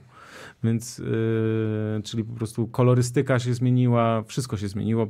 Nets nazwa została, ale Jak jest sukces, to każdy mądry, Piotr Sosnowski pisze. No tak, no, no, no słuchaj, no, jakby jak przychodził James Harden, to, ale nie, no mówiliśmy, że jak sobie poradzi Tyron Lu z Jamesem Hardenem i Russellem Westbrookiem, tej wersji się trzymajmy. tej wersji się trzymamy, to, to, to jest jakaś nadzieja, no. Na początku wydawało nam się to niemożliwe, natomiast poszło raczej łatwo w- przesunięcie Westbrooka, zresztą z jego podobno inicjatywy na ławkę Nie, rezerwową. to, ale to było, wiesz, że to, był, że to była zorganizowana akcja. No, akcja była taka, żebyś no. dał piątaka, żeby Russell Westbrook sam do tego doszedł. Bo tam, bo to jest jeszcze w ogóle, cały ten podcast, mi się wydaje, dzisiejszy ten odcinek, możemy też tak podsumować, zresztą dlatego, jak gdzieś tam w takim e, jednym z wpisów, to gdzieś tam napisałem właśnie, jak niesamowicie, bo my się, wiesz, jaramy się grą, tu patrzymy kontrakty, nie kontrakty i tak dalej, nie? E, W sensie sumy patrzymy, porównujemy sobie takie trochę, trochę takie jest łączenie kropek na, na kartce papieru. Natomiast to całe, ten dzisiejszy odcinek możemy, wiesz, powiedzieć, że on jest trochę o, o tym, jak bardzo skomplikowane jest zarządzanie klubem NBA. W ogóle firmą, drużyną, gdzie, gdzie masz zespół ludzi, to niesamowicie skomplikowane jest zarządzanie tym wszystkim, żeby to wszystko poukładać. Zresztą Rafał Juć, którego po, pozdrawiamy, z, yy, kiedyś sprzedał mi taki tekst i to jest bardzo fajne, że drużyna NBA to jest zarządzanie dwunastoma ego. Bo każdy z tych zawodników ma swoje ego i teraz trzeba je poukładać. Jak masz Russella Westbrooka, którego ego jest wyższe od wieży Eiffla, to to jest niełatwe, żeby po prostu to gdzieś tam poukładać. Natomiast Westbrook ewidentnie po tym sezonie w Lakers troszkę, wiesz, spuścił stonu, chyba gdzieś tam zrozumiał, że to jego miejsce, jeśli on chce się liczyć, to, no to teraz musi przyjąć taką rolę. Nie? Tak sobie myślę. I jeżeli to... chcesz zo- zostać w Los Angeles, bo z całej tej historii, że tam to są chłopaki z Kalifornii w Clippers, to No. chyba Russell Westbrook jest tym, któremu najbardziej... Chociaż Kawhi Leonard też zdaje się, że... To... Jest, No też. tak, tak, ale Tak, chodzi, tak. że najbardziej zależało na tym, żeby w tej... przepraszam, w Kalifornii, w Los Angeles zostać. Tak, tak, tak. No to, no, to, no to to są właśnie te wątki, tak? To są te wątki, o których mówimy, mówiliśmy, tak? Że, że, te, że lokalizacja też ma znaczenie, czyli to, że chcesz być w domu, chcesz, wiesz, e, nie wiem, no już masz dzieci na przykład, które mają już nie 4 lata, tylko nie wiem, 8, 12 czy 10 i już na przykład, no nie chcesz się przeprowadzać, już tu budujesz, nazwijmy swoją przyszłość, yy, szkoła i tak dalej i, i jakby to, to też ma znaczenie, tak? Czyli to, to jak się odnajdują e, zawodnicy w danym miejscu, tak? Więc jakby to, to też jest ważny wątek. E, Trzy minuty na... Dwie minuty na Jeremiego Sochana? No to y, proszę, coś, coś chciałbyś powiedzieć mi tak trochę... Znaczy, jak to mm, wszyscy powtarzają, zakończył się eksperyment, nazwijmy to, w postaci Jeremy Sochan e, jako rozgrywający. E, Tak to przynajmniej wygląda w tym momencie. Pozmieniał trochę rolę w drużynie Greg Popowicz. E, Czy był to eksperyment udany? To myślę, że odpowiedź, tak jak od początku o tym mówiliśmy, tej odpowiedzi nie dostaniemy dzisiaj, bo to nigdy, chyba jesteśmy zgodni, nie uważaliśmy, że to ma być tak, że Jeremy Sochan ma być podstawowym rozgrywającym na już i na teraz i na przyszłe sezony San Antonio Spurs. Raczej Jeremy Sochan ma nauczyć się rozgrywać, bo to mu się przyda w kolejnych sezonach San Antonio Spurs, w drużynie, która będzie walczyła o coś więcej niż wygranie kilku meczów w sezonie zasadniczym, e, bo pewnie po jakichś tam zmianach, e, po kolejnych sezonach, no cel jest taki, żeby Popowicz jeszcze przed końcem swojej kariery e, powalczył o mistrzostwo i miejmy nadzieję, że Jeremy Sochan się w tej drużynie odnajdzie, wciąż w niej będzie, nie jako rozgrywający, ale jako zawodnik, który jak będzie trzeba, to piłkę będzie potrafił rozegrać i będzie potrafił wykreować kolegom sytuację i e, zbudować przewagi w ataku. Słuchaj, ze Spurs, musimy to podkreślić, to jest jakby cały ten rok to jest jeden wielki eksperyment, bo jakby Popowicz i wszyscy wiedzą, że z 19-letnim Wiktorem Łębaniamą nie osiągniesz jeszcze tego, co sobie zakłada, że to jest projekt długofalowy na wiele lat. Jeremy ma 20 lat, y, Łębaniama ma 19. Tam dochodzą takie ciekawe rzeczy, w sensie tylko już naprawdę króciutko. Ja powiem, że wiesz, oni zmienili tę koncepcję, teraz wszyscy rozgrywają, ale to wciąż jest pewnego rodzaju nowa koncepcja, bo Tre Jones, który mógłby być rozgrywającym, on nie wychodzi w pierwszej piątce. Więc oni cały czas grają bez tego rozgrywającego, mają się uczyć, mają grać właśnie tak, żeby się uczyć, mówiąc najogólniej i y, no to jest, to jest cały czas eksperymentowanie, to jest trochę otwieranie tych zawodników na różne sytuacje, na zbieranie doświadczenia. Y, wiesz, myślę, że oni tam będą się zastanawiać, myśleć, co, co dalej. Mówi się o tym i to są takie plotki nie z wewnątrz, które ja mogę zdradzić, bo takich nie zdradzam, tylko jakby już się gdzieś tam pojawiają w amerykańskich mediach, że ewentualnie Keldon Johnson w ogóle może odejść z San Antonio, bo może zostać właśnie gdzieś wytransferowany, czy to Golden State, czy właśnie ktoś inny.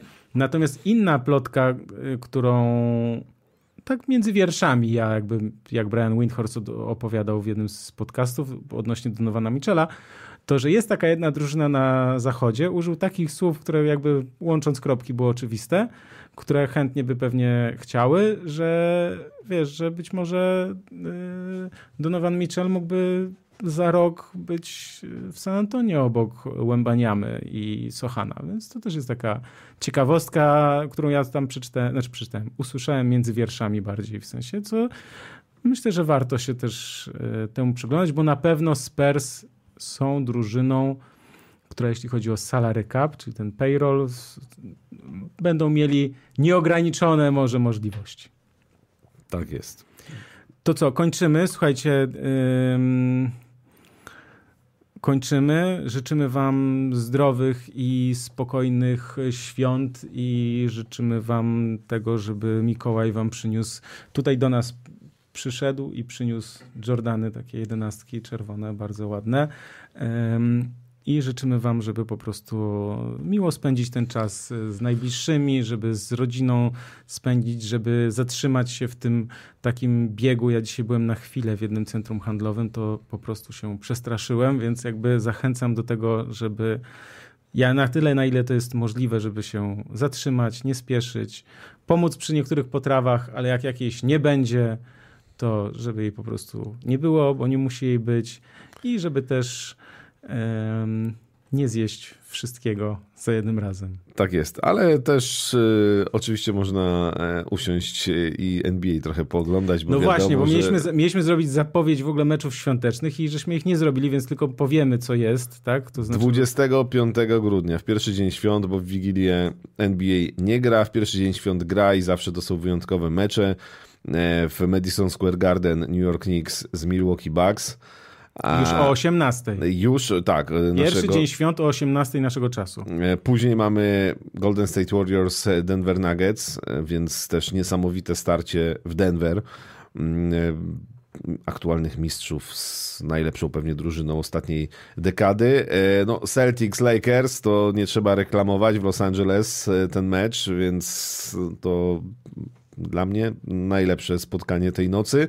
Philadelphia zagra z Miami, Dallas zagra e, z Phoenix Suns, więc no, generalnie wszystkie te mecze są, są niesamowite i w drugi dzień świąt też cała reszta e, gra, więc tych meczów jest bardzo, bardzo dużo, chociaż aż tak elektryzujących par to już chyba w ten drugi dzień świąt nie ma. Natomiast coś Bo tam, wiesz co, bo tam jest w ogóle w drugi dzień świąt, w Ameryce nie ma drugiego dnia świąt. To jest po prostu nie, no zwykły, tak wiem, zwykły no, dzień. mówię, Dla mówię, nas to jest drugi tak, dzień świąt, tak, ale to już są mecze w nocy. My się skupmy na tym, że te mecze są e, świąteczne, świetne. Zaczynamy pierwszy dzień świąt o 18:00 Knicks Bucks i o 20.30 Nuggets e, Warriors i o 23.00 na dobranoc Lakers e, Celtics. Też, ponieważ widzimy się 4 stycznia, to też życzymy Wam wszystkiego dobrego w nowym roku tak sylwestrowo też. Pamiętajcie, żeby też uważać na siebie w Sylwestra, nie odpalać lepiej żadnych rakiet, a jak odpalać jakieś e, fajerwerki, to najlepiej takie, które nie wydają dźwięku, żeby piesków nie straszyć. O. Tak jest, więc tak, zdrowych, wesołych i pogodnych świąt, szczęśliwego nowego roku i tym miłym akcentem się chyba możemy żegnać. Tak jest. Dziękujemy bardzo i do zobaczenia, do usłyszenia 4 stycznia.